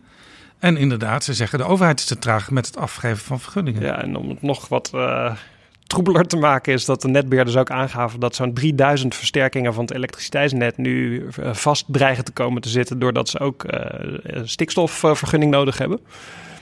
Dus die uitbreiding van het net die, die gaat heel hard. 8 miljard euro per jaar is echt heel veel. En tegelijkertijd zijn er ook allerlei factoren nog op te lossen om te zorgen dat het nog sneller kan.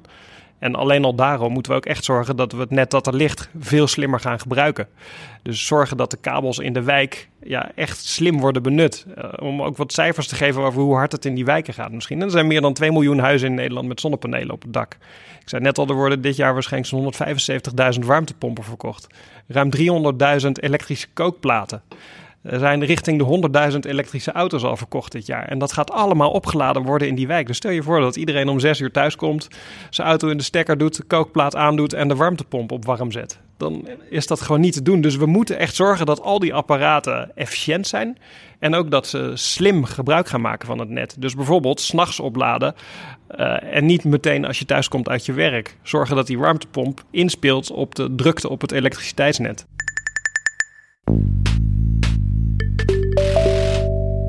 Dit is Betrouwbare Bronnen, een podcast met betrouwbare bronnen.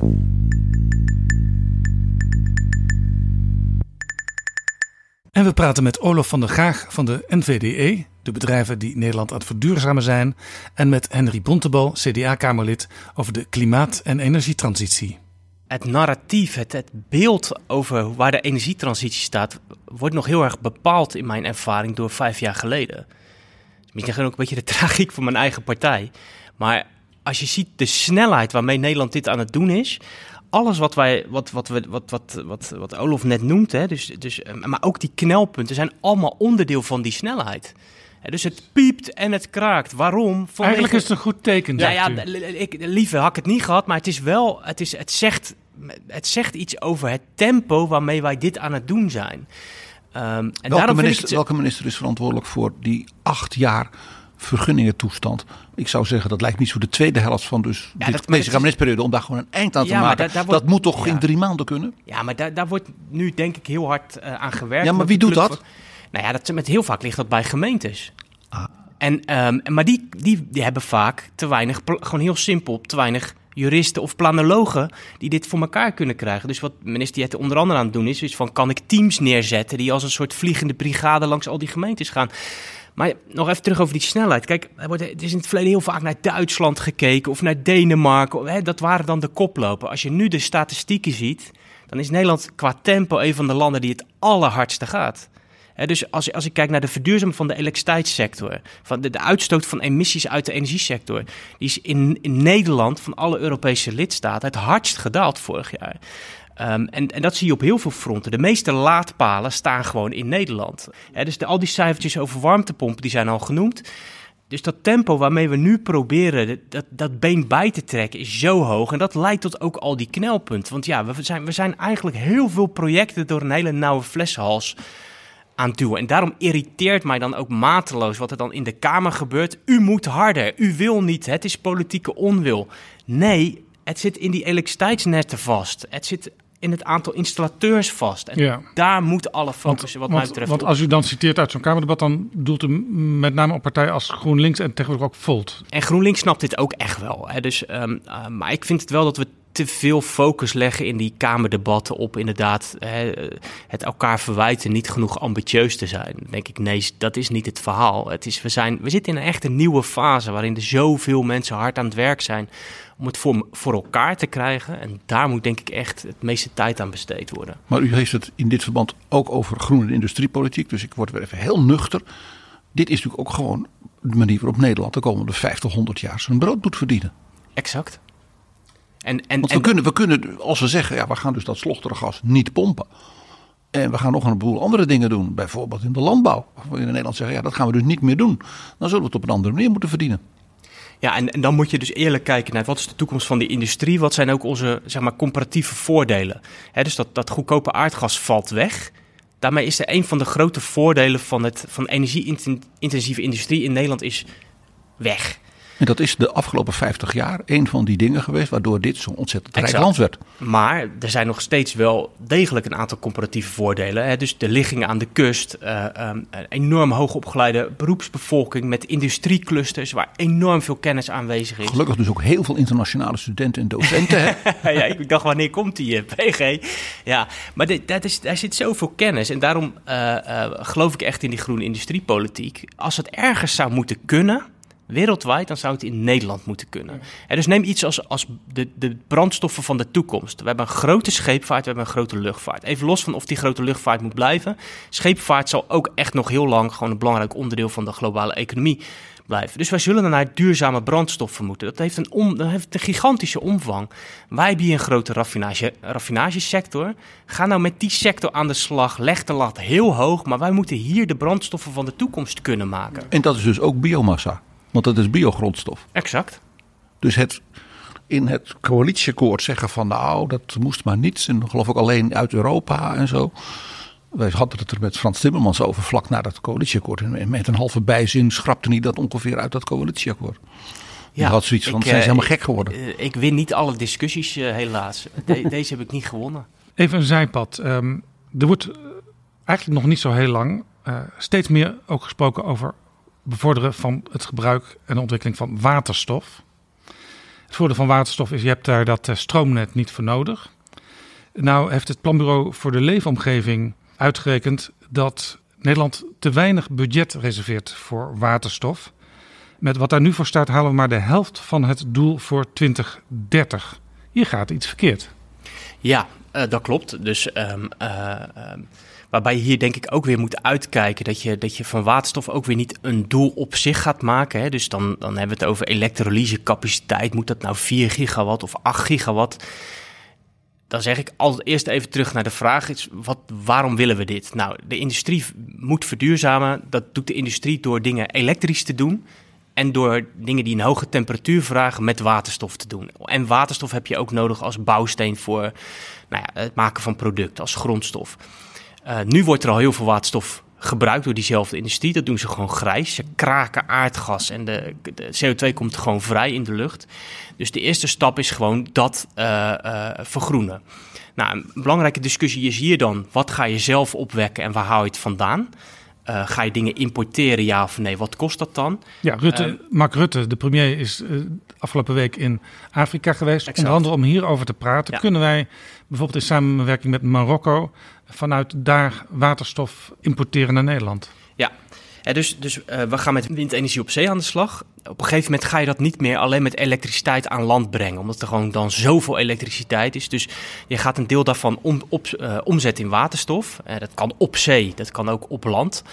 Uh, en dan heb je het over groene waterstof. Maar we hebben waarschijnlijk veel eerder ook al die waterstof nodig. Dus een grote discussie is steeds: moet je aan blauwe waterstof beginnen? Blauwe waterstof is natuurlijk gewoon waterstof uit aardgas. Maar de CO2 die vr vrijkomt, die uh, vang je af en die sla je dan weer op. Dus netto is het dan wel klimaatneutraal. Ja, het telt maar, mee in uh, de richting die we uit willen.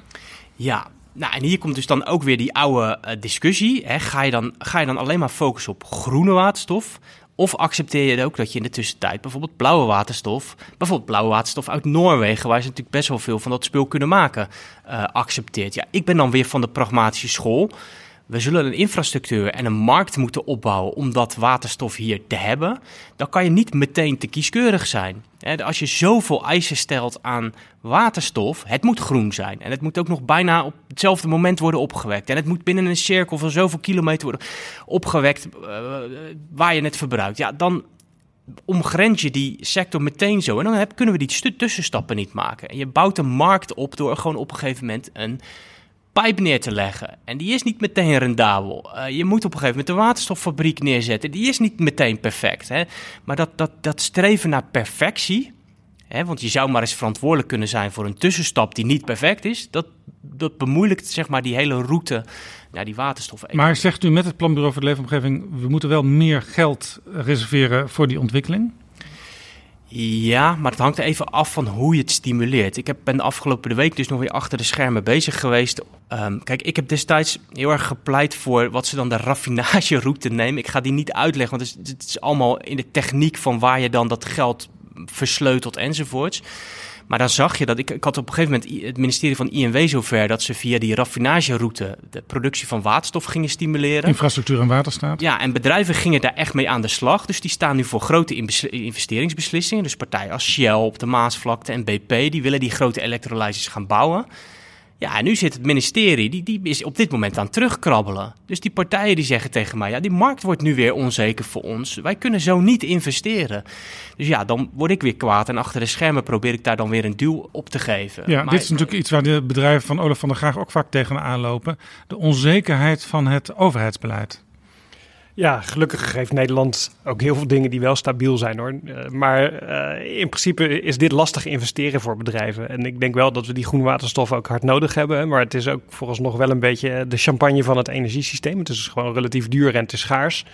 En het is vanuit het systeem gedacht het meest logisch om dat bijvoorbeeld voor de industrie in te zetten. Om de, om de ovens op 800 of 1000 graden te krijgen. Alleen de industrie is gewend om voor zijn energie niet de prijs van champagne te betalen, maar van kraanwater. Dus dat matcht gewoon niet. Je kunt niet champagne verkopen aan iemand die voor kraanwater wil betalen. En je ziet dus dat die groene waterstof via andere wegen nu op gang moet worden gebracht.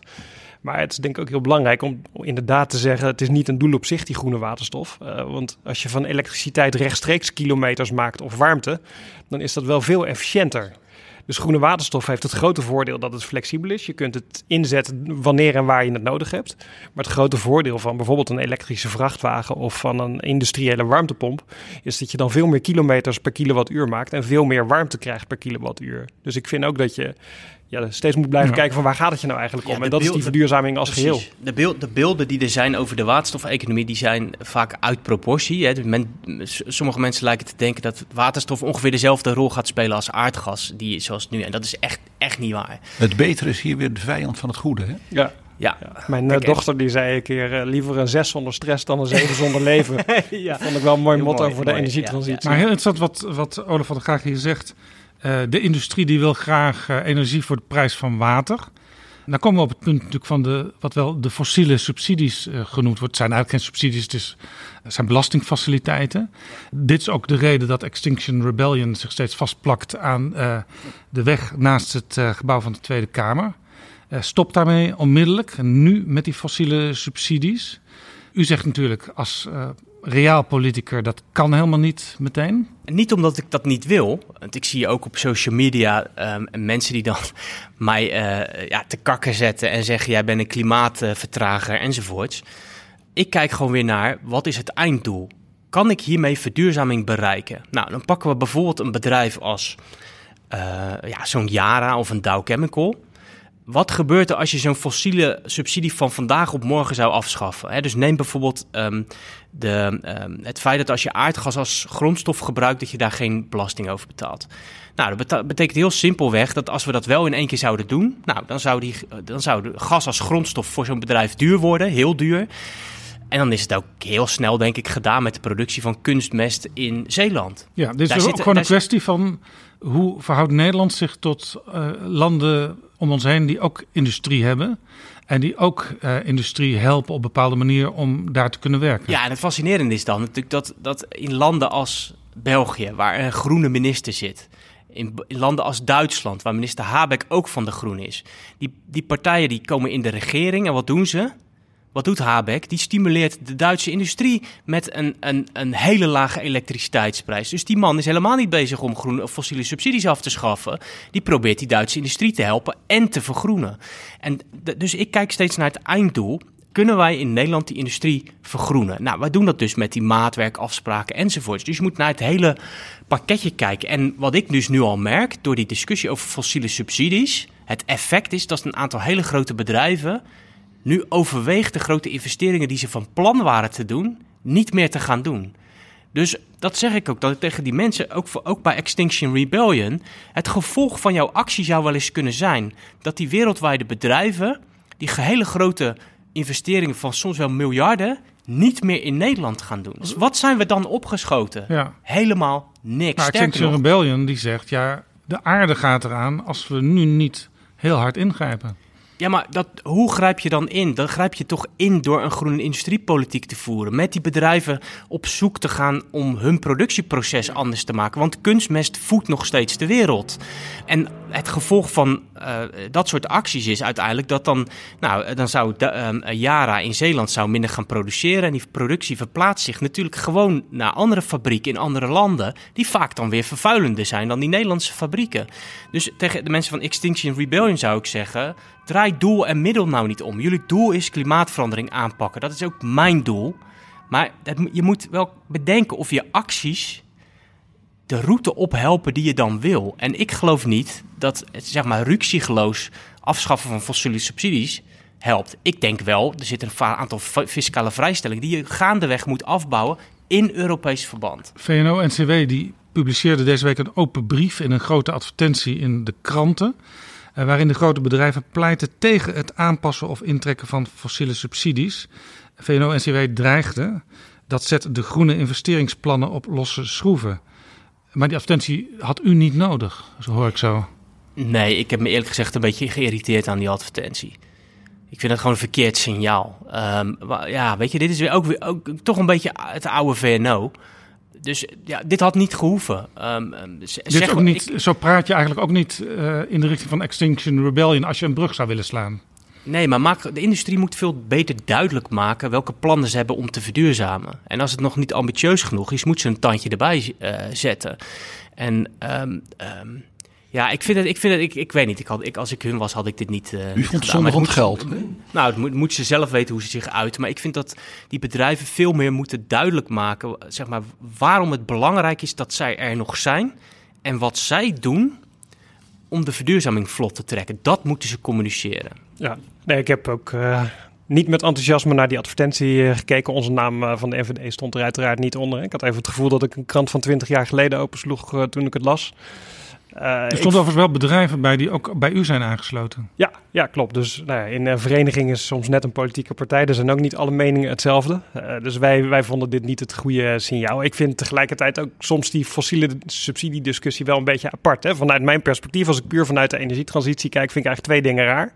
Het eerste is dat die belastingkorting bijvoorbeeld ook voor elektriciteit geldt. We hadden het net al over. Bijna de helft van de elektriciteit is duurzaam.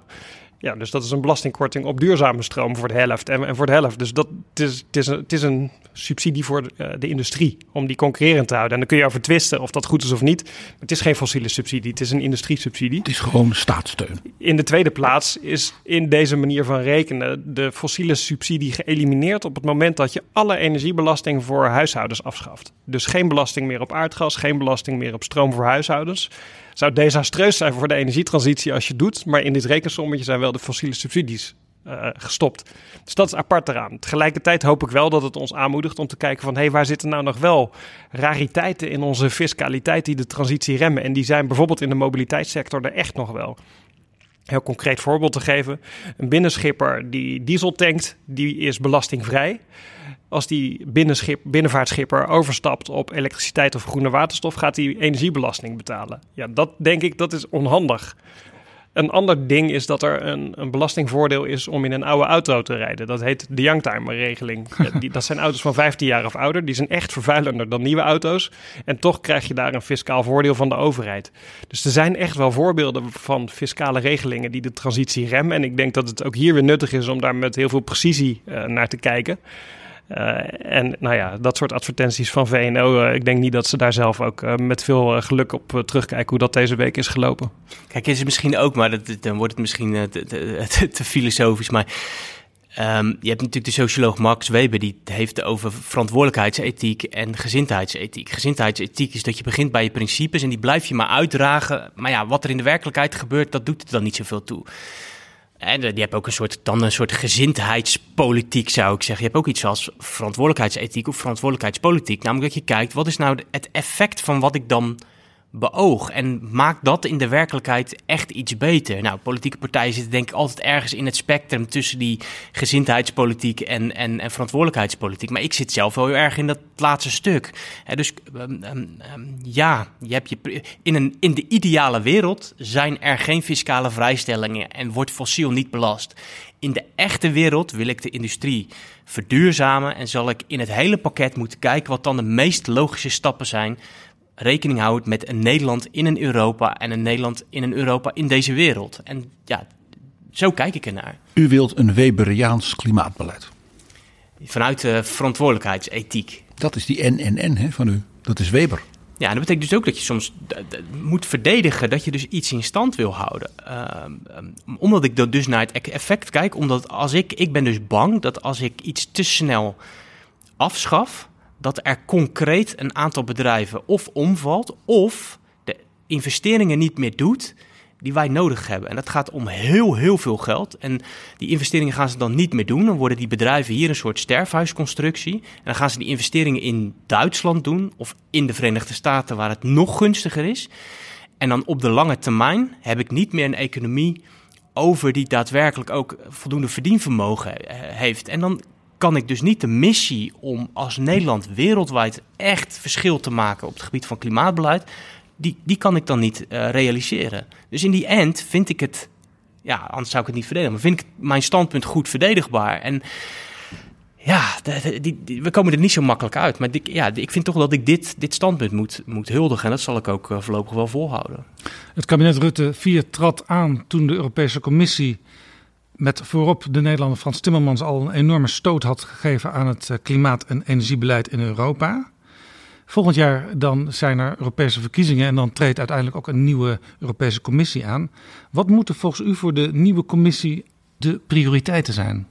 Het is heel veel al klaargezet. Dus ik denk dat het ook daar a- gewoon uit, a- aankomt op uitvoering. Dus het Europese klimaatpakket, het Fit for 55 pakket, de Green Deal. Daar zit op het gebied van klimaat en energie al verschrikkelijk veel in. En dat moet ook allemaal gewoon uitgewerkt worden. Dus, dus de commissie zal gewoon heel veel moeten uit gaan voeren. Hè. Dus de, de, de, Dus vooral de lidstaten. ja, en dat gaat dan via, via alle, allerlei verordeningen enzovoorts. En lidstaten mogen dat vervolgens dan weer in eigen nationale wetgeving eh, versleutelen. Dus er komt heel veel werk ook naar de Tweede Kamer.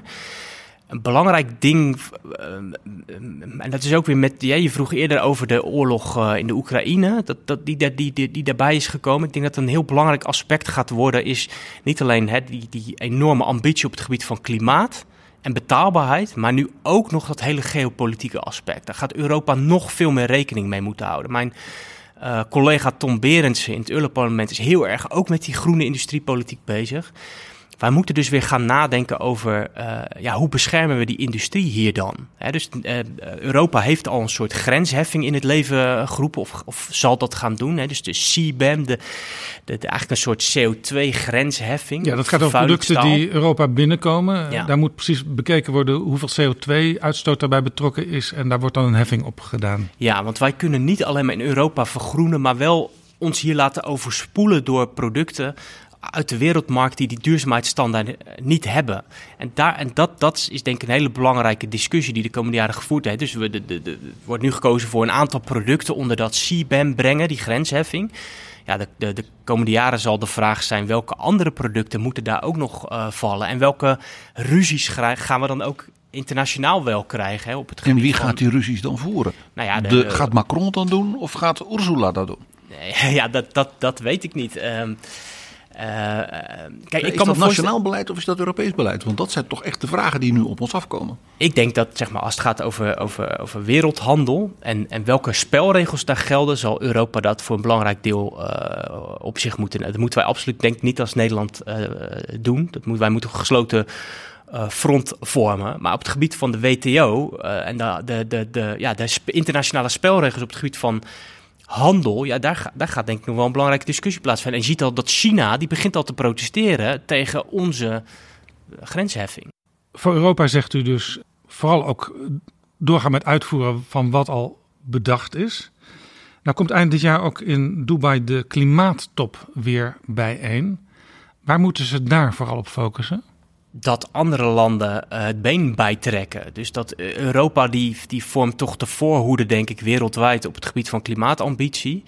En andere landen, uh, ja, die moeten gestimuleerd worden Europa daarin te volgen. Ook wel het eerlijke verhaal is dan dat een deel van die andere landen ons zal vragen: kom dan ook op tijd met je klimaatfinanciering en, en, en, en een aantal andere zaken. Dus dat is elke keer die discussie op die internationale klimaatconferentie. Wat denk ik een heel belangrijk ding is, dus het lijkt klein, maar er is bijvoorbeeld een, een, een methaanpledge. Een methaan, ja, wat is een normaal Nederlands belofte. woord? belofte. sorry, klima, ja, methaanbelofte gedaan. Ik, ik heb pas wat schriftelijke vragen gesteld over bijvoorbeeld de, de, de, de lekkages van aardgas, methaan in Turkmenistan. Ja, als je dat vergelijkt met de uitstoot in Nederland, is gigantisch. Hè? Dus methaanuitstoot uh, verminderen, dat, uh, bijvoorbeeld in de olie- en gasindustrie, dat gaat een hele belangrijke bijdrage op korte termijn al kunnen leveren uh, voor het oplossen van of het tegengaan van klimaatverandering. En ik denk zelf bijvoorbeeld dat we, hè, we kunnen maar steeds blijven uh, praten over die hoge doelen, maar er zijn ook hele concrete dingen die we met een coalition of the willing kunnen oplossen. En, en toevallig heeft Nederland op dat terrein veel kennis in huis. Net als met de grote watervraagstukken, waar Nederland ook altijd zo'n voortrekker is. Ja. TNO speelt hier een hele interessante rol in, ja. want die zijn met satellieten, zijn ze, kunnen ze heel nauwkeurig kijken waar de methaanlekkages uh, zitten. Ze zijn nu ook bezig met een nieuwe satelliet die nog veel preciezer dat kan bekijken. Nou, ik vind dat een fantastisch idee, dat er met Nederlandse technologie straks wereldwijd gekeken wordt. Waar zitten methaanlekkages? Ja. Daar zijn nou ja, enorme die... slagen te maken. Ja. Ja, en die internationale toppen, ik merk dat mensen daar soms uh, sceptisch over zijn. En dat snap ik ook als er weer een paar duizend mensen ergens naar een conferentieoord vliegen. Maar als je al die toppen en hun afspraken op een rijtje zet, dan zie je wel dat de mammoetanker van koers aan het veranderen is. Dus laatst een inventarisatie gedaan. Als je alle beloftes die landen hebben gedaan voor hun klimaatbeleid nou waar, waar zou maken. Dat is een belangrijke als, hè, dat ze het dus waarmaken. Maar als je dat doet, dan blijft de opwarming van de aarde duidelijk onder de 2 graden Celsius. En dat is ook de afspraak die we ooit in het klimaatakkoord ja, van Parijs hebben moet het anderhalve graad uh, maximaal zijn. Precies, en daar zitten we nog niet. Dus, dus er zijn nog twee uitdagingen. Ten eerste moeten de beloften worden waargemaakt. En ten tweede koersen we op ongeveer 1,8 graden opwarming. En zouden we eigenlijk naar die anderhalf moeten. Maar die toppen samen, die wenden wel de steven iedere keer weer een beetje verder. Het zijn een beetje jongetjes die op de rand van een koud zwembad staan en dan met z'n allen besluiten om samen te springen. Dat is een belangrijke waarde die zo'n internationale top heeft. En vervolgens moeten we dan in Europa kijken hoe we ook zorgen dat we daar concurrerend in zijn. Als ik daar ook één concreet ding bij mag noemen. Wat een heel grote invloed heeft op, uh, op de investering in de energietransitie is de rentestand. Jarenlang was dat totaal geen issue in onze sector, omdat die rente bijna nul was. Maar die rente is door de inflatie van de afgelopen jaar, die is veroorzaakt door de hoge prijzen van fossiele energie vooral, uh, de pan uitgerezen. En we hebben onderzoek laten doen en daaruit blijkt dat elke procent rentestijging de energietransitie in Nederland 6 miljard euro duurder maakt tot aan 2030. En dat is onbedoeld effect van het inflatiebeleid van de Europese Centrale Bank. Dus wat wij heel erg hopen is dat die Europese Centrale Bank hier iets aan gaat doen om die energietransitie voor Nederlandse huishoudens en bedrijven betaalbaar te houden. Dus Rob Jetten moet gaan praten met Christine Lagarde, begrijp ik. Ja, en er zit ook een hele goede Nederlander, Frank Elderson, in de, in het bestuur van de Europese Centrale Bank. Dus ik hoop heel erg dat die Europese Centrale Bank een soort rentekorting gaat geven op investeringen in de energietransitie. Want dat heeft onze industrie en ons bedrijfsleven echt nodig om concurrerend te blijven in die wereldcompetitie. En de impact is ongekend. En het, kenmerk van energietransitieprojecten is dat alle kosten eigenlijk aan de voorkant zitten. Je, je bouwt een geothermieput of een windmolen of een elektriciteitsnet je moet je veel kapitaal insteken, maar daarna draait het bijna gratis. Maar daardoor is dus juist die impact van die rente voor de energietransitie zo groot. En ook veel groter dan bij fossiele energie. Als het goed is, luisteren ze mee in Frankfurt. Hoi, ik ben Alexander Klupping. Ik weet dat jij, net als ik, met heel veel plezier luistert naar betrouwbare bronnen. Maar je zou Jaap en PG echt helpen als je nu vriend van de show wordt. Dat kan met een donatie, per maand of per jaar. En dan kunnen ze nog veel meer afleveringen maken en zeg nou zelf, dat wil jij ook. Dus ga nu naar vriendvandeshow.nl slash bb en doe het niet straks, maar nu. In aanloop naar deze uitzending zat ik te denken, ja, hoe kan je dat nou, hoe kan je de stand van de energietransitie nou zo goed mogelijk in één of twee zinnen verwoorden? Als je kijkt naar wat, welk tempo wij nu als Nederland maken, dan gaat dat denk ik echt veel harder op dit moment dan de landen om ons heen. Tegelijkertijd gaat het nog ook niet snel genoeg. Dus dat is ook het eerlijke verhaal. Dus is het glas half vol, is het half leeg. En tegelijkertijd, dat zou mijn zin 2 zijn, wat ik ook al eerder heb gezegd. Het debat gaat veel te vaak over nog weer dat doel. En alle ballen moeten op die, op die uitvoering. Als je ziet hoe hard wereldwijd wordt geïnvesteerd in nieuwe energiebronnen. Dat gaat echt hard. En uh, landen als China, waarvan dan gezegd wordt: ja, die bouwen alleen nog maar een paar honderd kolencentrales. 500 kolencentrales ja, in maar China je, en India. Zeker, maar je moet dan altijd bedenken hoe hard draaien die kolencentrales. Want als de benuttingsgraad van die kolencentrales veel lager wordt de komende jaren door zon en wind namelijk. Ja, dat gaat uiteindelijk over hoeveel kolen verstoken ze. En, en er zijn echt wel prognoses dat, dat dat de komende jaren minder zal zijn. En dat, dat uh, de piek van de emissies door China gewoon ja, echt de komende jaren al bereikt gaat worden. Dus eigenlijk doet China wat u eigenlijk voor Nederland en Europa ook nou, bepleit. Ik ben pragmatisch laatste... en gecombineerd dingen inzetten, eh, zodat het uiteindelijk uh, heel erg duurzaam wordt. Ja, dus ik vind de vergelijking met China altijd wel ingewikkeld, omdat daar ook een soort um, uh, nou, vorm van samenleving zit die, die ik absoluut niet zou willen hebben hier in Nederland. Um, maar ik ben de laatste uh, maar maanden wel eens bang. wel hoor. ja, maar ik ben de maand, laatste maanden wel eens bang dat we, dat we inderdaad door al dat, dat, dat de, de, de keurige manier waarop wij dat allemaal doen, hè, met vergunningen en je mag altijd nog naar de Raad van State en, enzovoort. Uh, we zouden het ook wel eens kunnen verliezen van dat soort landen. Als je ziet dat, dat de hele batterijtechnologie gewoon naar China verdwijnt. De zonneceltechnologie hebben ze al. Uh, kernenergie gaan ze heel hard op. Uh, het aantal elektrische auto's. De, Europese autofabrikanten maken zich grote zorgen over of zij dat been nog wel kunnen bijtrekken. Dus, dus mensen die dan zeggen: ja, maar China. Ja, ik zou maar uitkijken. China zou wel eens op termijn harder kunnen gaan dan wij hier in Europa. Laat dit een waarschuwing zijn voor ons allemaal. Ik hoorde u aan het begin van deze aflevering zeggen: ja, ik, toen ik Kamerlid werd van het CDA, was ik bang of ik uh, ja, mijn creativiteit en mijn gedachtegang wel voldoende kon laten aarden in, in die fractie en dus ook in die partij. Nou lukt dat aardig, heb ik de indruk, want u voert overal het woord en uh, uh, daar zit geen enkele rem op, denk ik, vanuit het CDA. Uh, maar nu is het natuurlijk wel zo dat het CDA onder vuur ligt. Er is een nieuwe partij die heet BBB. Uh, en die neemt het CDA van alles kwalijk. En die claimt ook uh, kiezers van vroeger van het CDA te hebben overgenomen.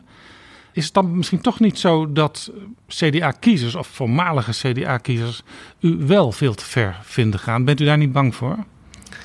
Uh, eerlijk gezegd niet.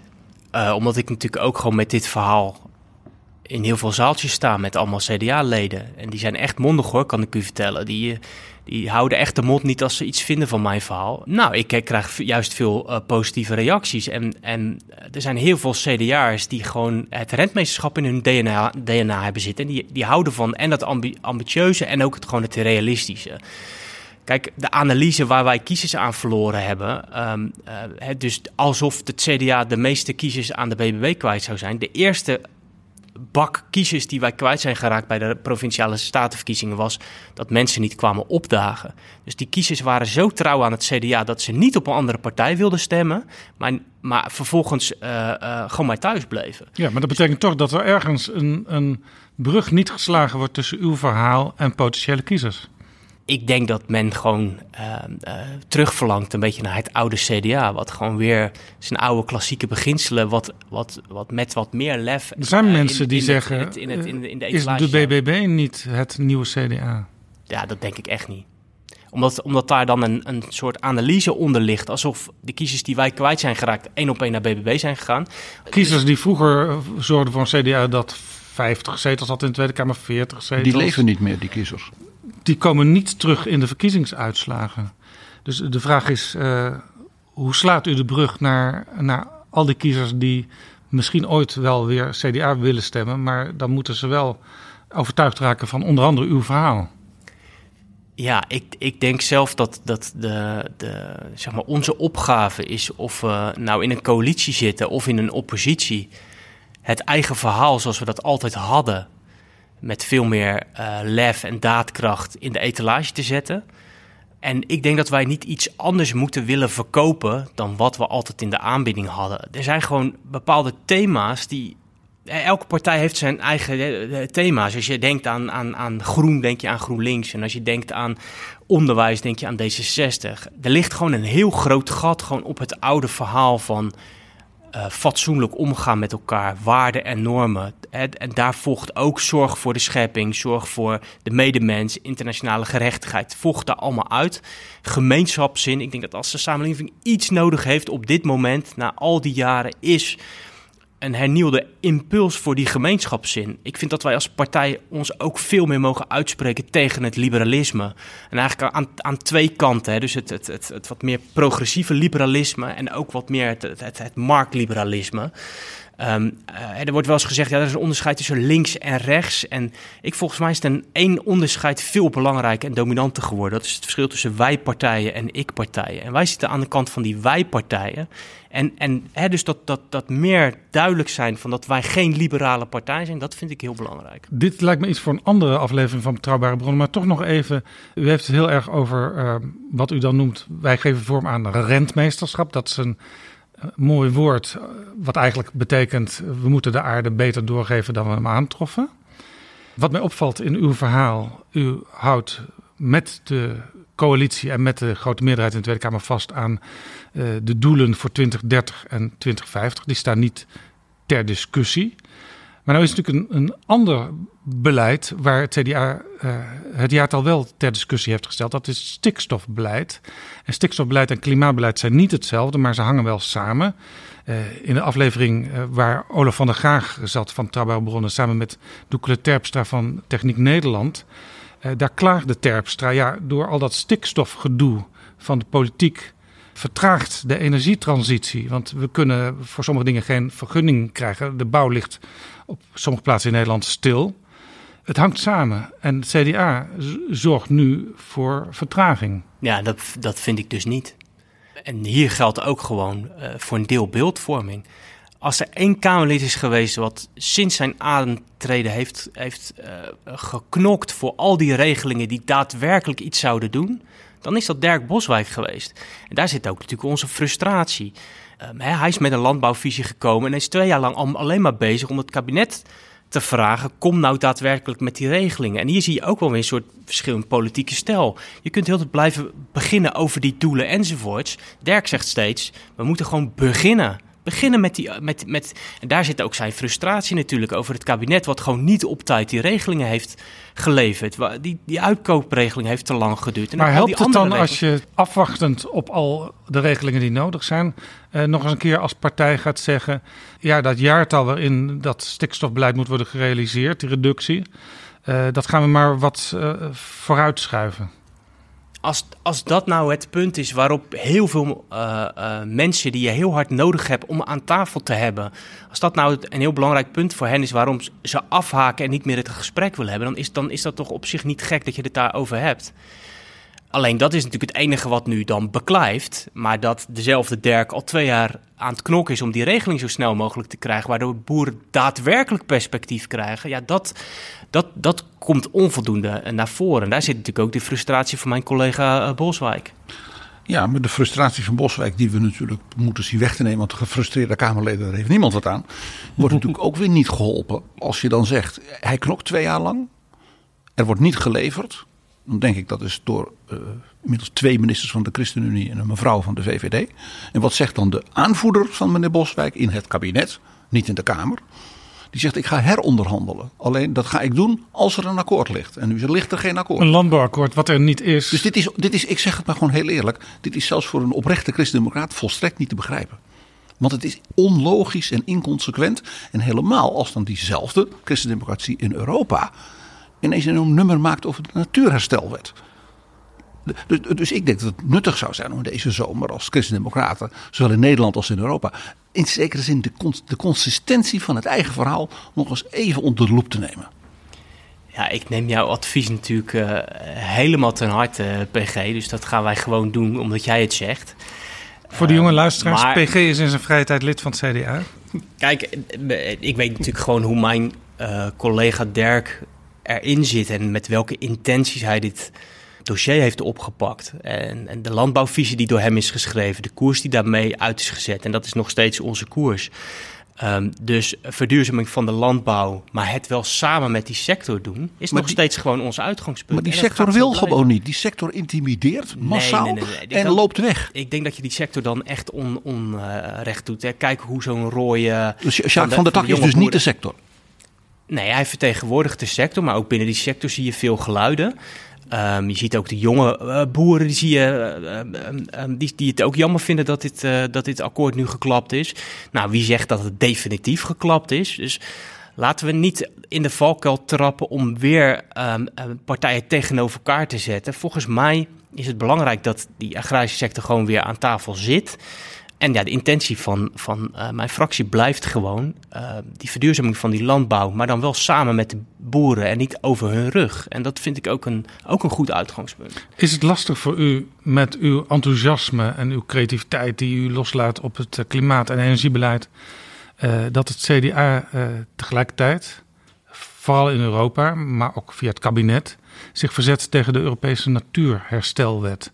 Want als u zich met het klimaat bezighoudt, dan moet u toch ook enorm voorstander zijn van het verbeteren van de biodiversiteit in Nederland. Ja, maar ook daar geldt ook wel weer voor. Um, kijk, en ik, ik zit niet heel diep in die natuurherstelwet. Dus ik probeer ook wel mijn eigen gevecht, eerlijk gezegd, uh, te voeren. Daar heb ik het al druk zat mee. Maar de vraag is natuurlijk wel van. Ging het op een gegeven moment echt nog over de natuurherstelwet? Of was het ook gewoon even armpje drukken met Frans Timmermans, die misschien ook even iets te hard ging en ook misschien niet heel erg uh, bereid was uh, een beetje mee te bewegen. Het was dus misschien ook een beetje politiek voor de bühne, zowel van Timmermans als van het CDA in Europa.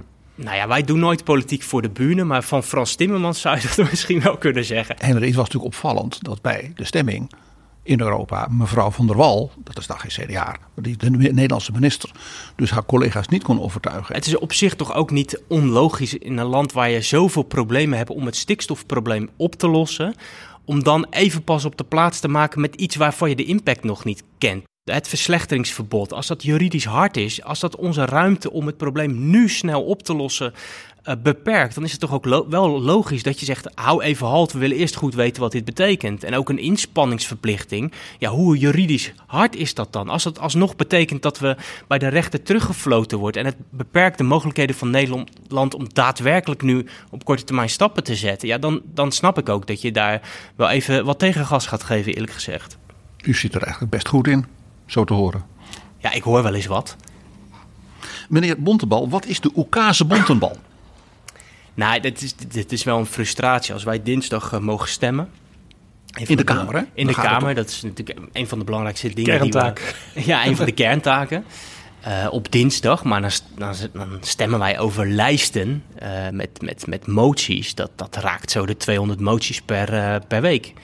En ik durf wel te zeggen dat, dat, dat 70% is overbodig, is uh, niet goed uitvoerbaar, is zodanig afgezwakt in de interpretatie dat het eigenlijk niet zoveel meer doet, of is staand beleid. Dus we maken onszelf wel een beetje gek daar. En een buitencategorie daarin is de spreekt uit motie. Um, en een spreekt uit motie die vraagt eigenlijk niks aan het kabinet, maar die vraagt een Kamer een, ergens een uitspraak te doen. Maar dat is een instrument wat zo vaak voor van alles misbruikt de wordt. De Tweede Kamer spreekt uit dat ze voor wereldvrede Ja, dat die categorie. En, en die worden eigenlijk doorgaans gebruikt om vooral een andere partij mee in het gezicht te kunnen slaan op social media. Uh, want als je ergens dan niet voor of niet tegen bent, dan, nou ja, dan worden er allerlei consequenties uitgetrokken. Dus ik heb op een gegeven moment in de fractie gezegd: zullen we gewoon stoppen met die gekkigheid en uh, alle spreekt uitmoties gewoon standaard op tegengaan. Dat, dat, uh, dat, dat, dat, dat scheelt een hoop gedoe. Ik denk sinds een jaar is het bij ons gewoon spreekt uitmoties is tegen. En dat is de oekase die u als fractiesecretaris heeft opgelegd? Ja, dat, dat was een van mijn acties. Henry Bontebal en Olof van der Graag mag ik u beiden hartelijk danken voor dit gesprek. Dankjewel. Graag gedaan. En Henry Bontebal, mag ik u extra sterkte en succes wensen. Want een van uw voorouders, Klaas Bontebal, werd in 1623 onthoofd om politieke redenen. 3 juli is de dag dat we moeten gedenken dat hij 400 jaar geleden is onthoofd bij het raadhuis van Rotterdam. De reden was niet zo fraai. Hij heeft samen met een aantal andere zogenaamde remonstranten... heeft hij ja, dat is de kerk van Wopke Hoekstra. In de kerk van Wopke, in samenspraak met ook de, de, de zonen van Johan van de Orde Bannenveld, heeft hij een aanslag beraamd op Prins Maurits. Uh, hij en weet Amalia dat? nee, dat, dat, hoop ik niet. Want anders mag ik daar nooit binnenkomen. Maar hij heeft dus uh, uh, ja, een stukje van de financiering van die moordaanslag heeft hij gedaan. Dat is naar buiten gekomen. De, de, dat was echt een fossiele subsidie. ja, de, ja, en dat heeft de man, uh, ja, dat heeft hem de das omgedaan. De, de, hele, de hele boel, de boel is opgerold. En, en Klaas Michiels, zo'n bontbal, is dus begin juli 1623 onthoofd. En dat wordt dus binnenkort gevierd. En heeft u met burgemeester Abu Taleb al gepraat voor een kranslegging bij het stadhuis? Ik zal er zelf uh, wel aandacht aan besteden op die dag. Wij blijven dit volgen. Nogmaals dank en ook dank aan Duivenstein Tomaten in Pijnakker voor het opnemen op hun terrein in hun prachtige kas van deze aflevering.